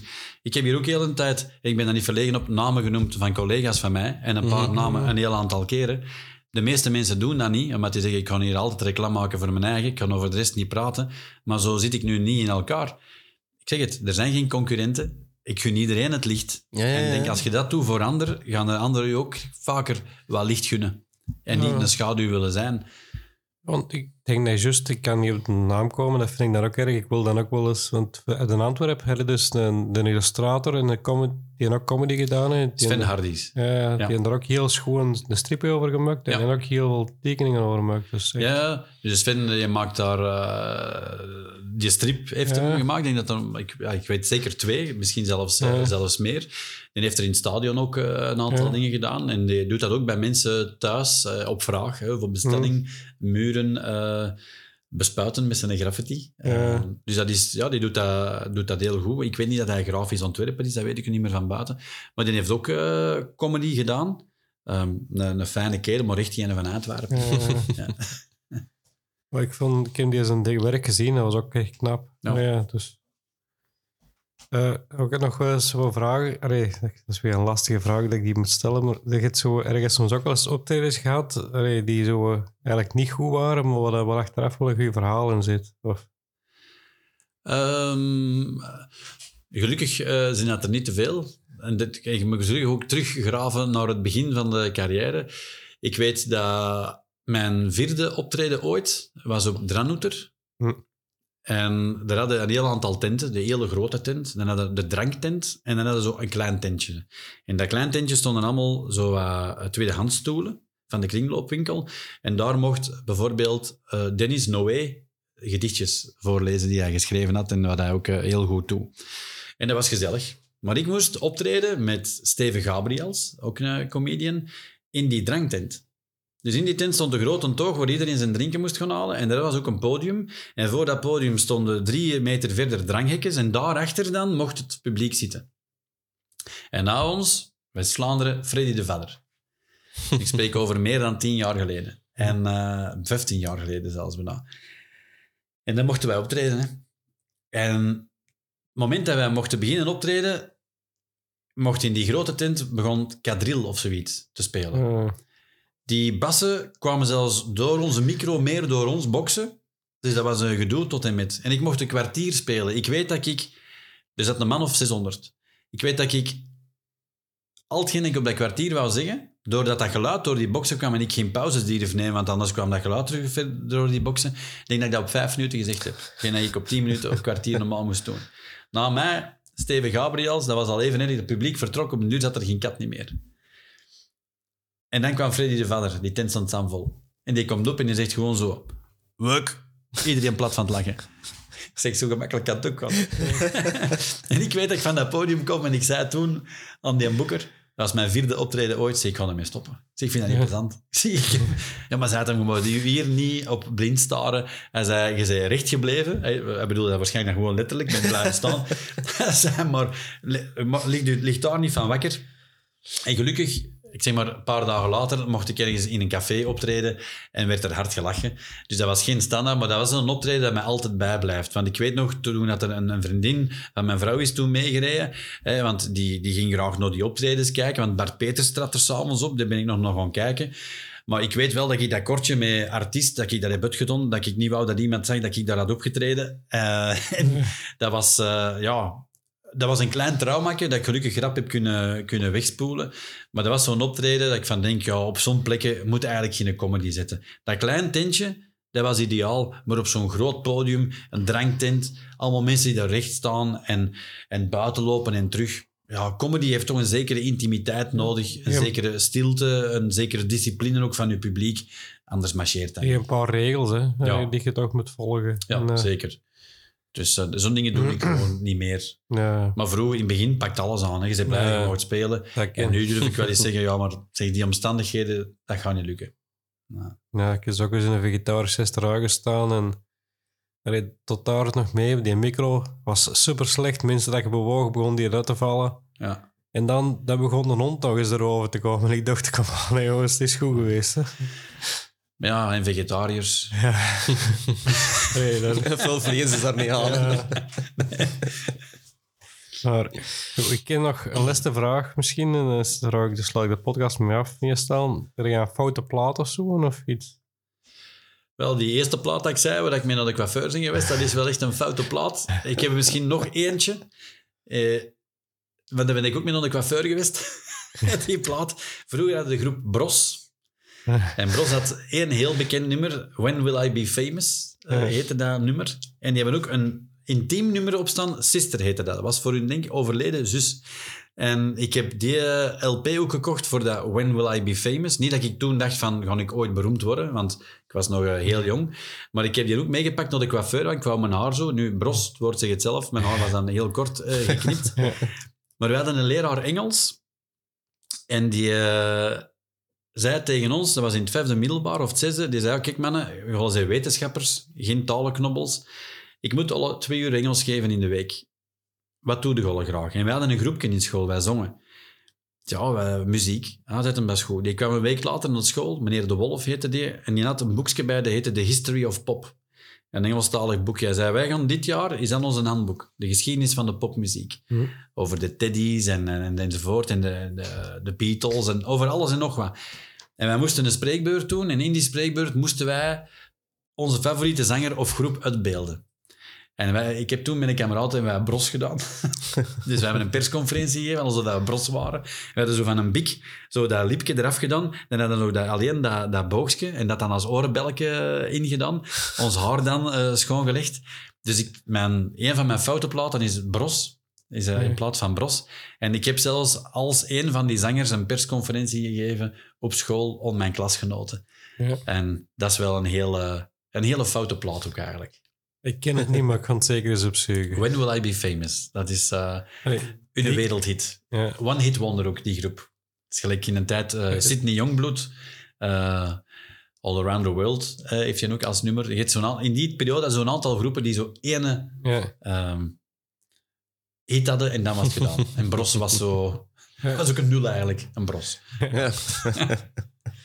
En een schoon kapsel. Dat is- Dat wel. Gemakkelijk Ondertussen- kapsel. Dat is heel gemakkelijk. Ja. Je hebt ook helemaal een te lang broske gehad. Nee. Maar goed, ik denk dat was misschien weer voor ons podcast. Mhm. Ik wil Ja, je voilà, bedanken voor... eh, Jullie zijn bedankt voor de gastvrijheid en Ja. eh, de leuke babbel. Ja, Ja. voilà. En de wijze woorden en zo. Ja. eh, Dus Eh, misschien een andere vraag, omdat je over een boek nog bezig bent. Is er al een, een datum wanneer het gaat uitkomen? Eh, Normaal, de bedoeling is dat een boek eh, september, oktober zou ja, uitkomen. ja, ja. Dan, eh, En de titel, dat staat zo goed als vast. eh, ik ga naar de psycholoog. En dan zonder titel, je zou zot zijn als je het niet deed. Ja, wel, daar kijken we sowieso wel naar Ja. uit. En, eh, Merci, dankjewel. Ja, ik heb mijn vorige boek ook gelezen, want, want ik dacht eerst dat, dat die boeken, dat dat zo'n beetje... Allee, je hebt zo comedians die zo eh, eh, comedy shows waar je half teksten erin zitten en dat dat alleen is, maar dat is het zeker niet. Hè? Allee. Nee, het is wat meer dan dat. Is- ik verklaar een aantal Ja. dingen, maar ik laat ook altijd mensen antwoord over het, het onderwerp of over Mm. mezelf. Omdat Mm. je kunt over jezelf vertellen. Ja, soms is dat lastig, omdat soms komt dat net iets anders over. Hè? Dat lijkt zo wat stoeverig soms, terwijl dat, dat helemaal de bedoeling niet is. Maar als iemand anders, zoals met dat schilderen, als Hannes Dazen over mij, zal ik zeggen over mezelf, ja, ik vergelijk mij een klein beetje met de Cobra-kunstenaars, dan denkt iedereen aan mij, hij is omhoog gevallen. maar als Hannes Dazen, die zonder dat ik weet, zonder dat ik die link zelf had gemaakt, zegt van ja, ik vergelijk hem meer met die en hij is, eh, eh, is zelf nog niet bewust van het talent dat hij heeft. Ja, als iemand anders dat zegt, komt dat heel anders over. Mm. Maar als je dat zelf zegt, allee, ik zou dat zelf nooit zeggen, maar dan komt dat wel heel fout over. Mm. Ehm, en vandaar dat, dat ik ook in die boeken, ook als weerwerk, soms iemand anders aan het woord laat om die eens een kijk te laten geven. Goed, maar we waren al terug begonnen, Ja, denk is ik. dat, is dat. We zijn al een tweede podcast bezig. Dus we gaan nog eens afsluiten. Nee, ik zou de luisteraar bedanken voor het eh, luisteren. En ook jij, Steven, bedanken. Het was heel tof. Dank u. Dus, en dan merci. En Merci tot, iedereen. tot de Ja. volgende.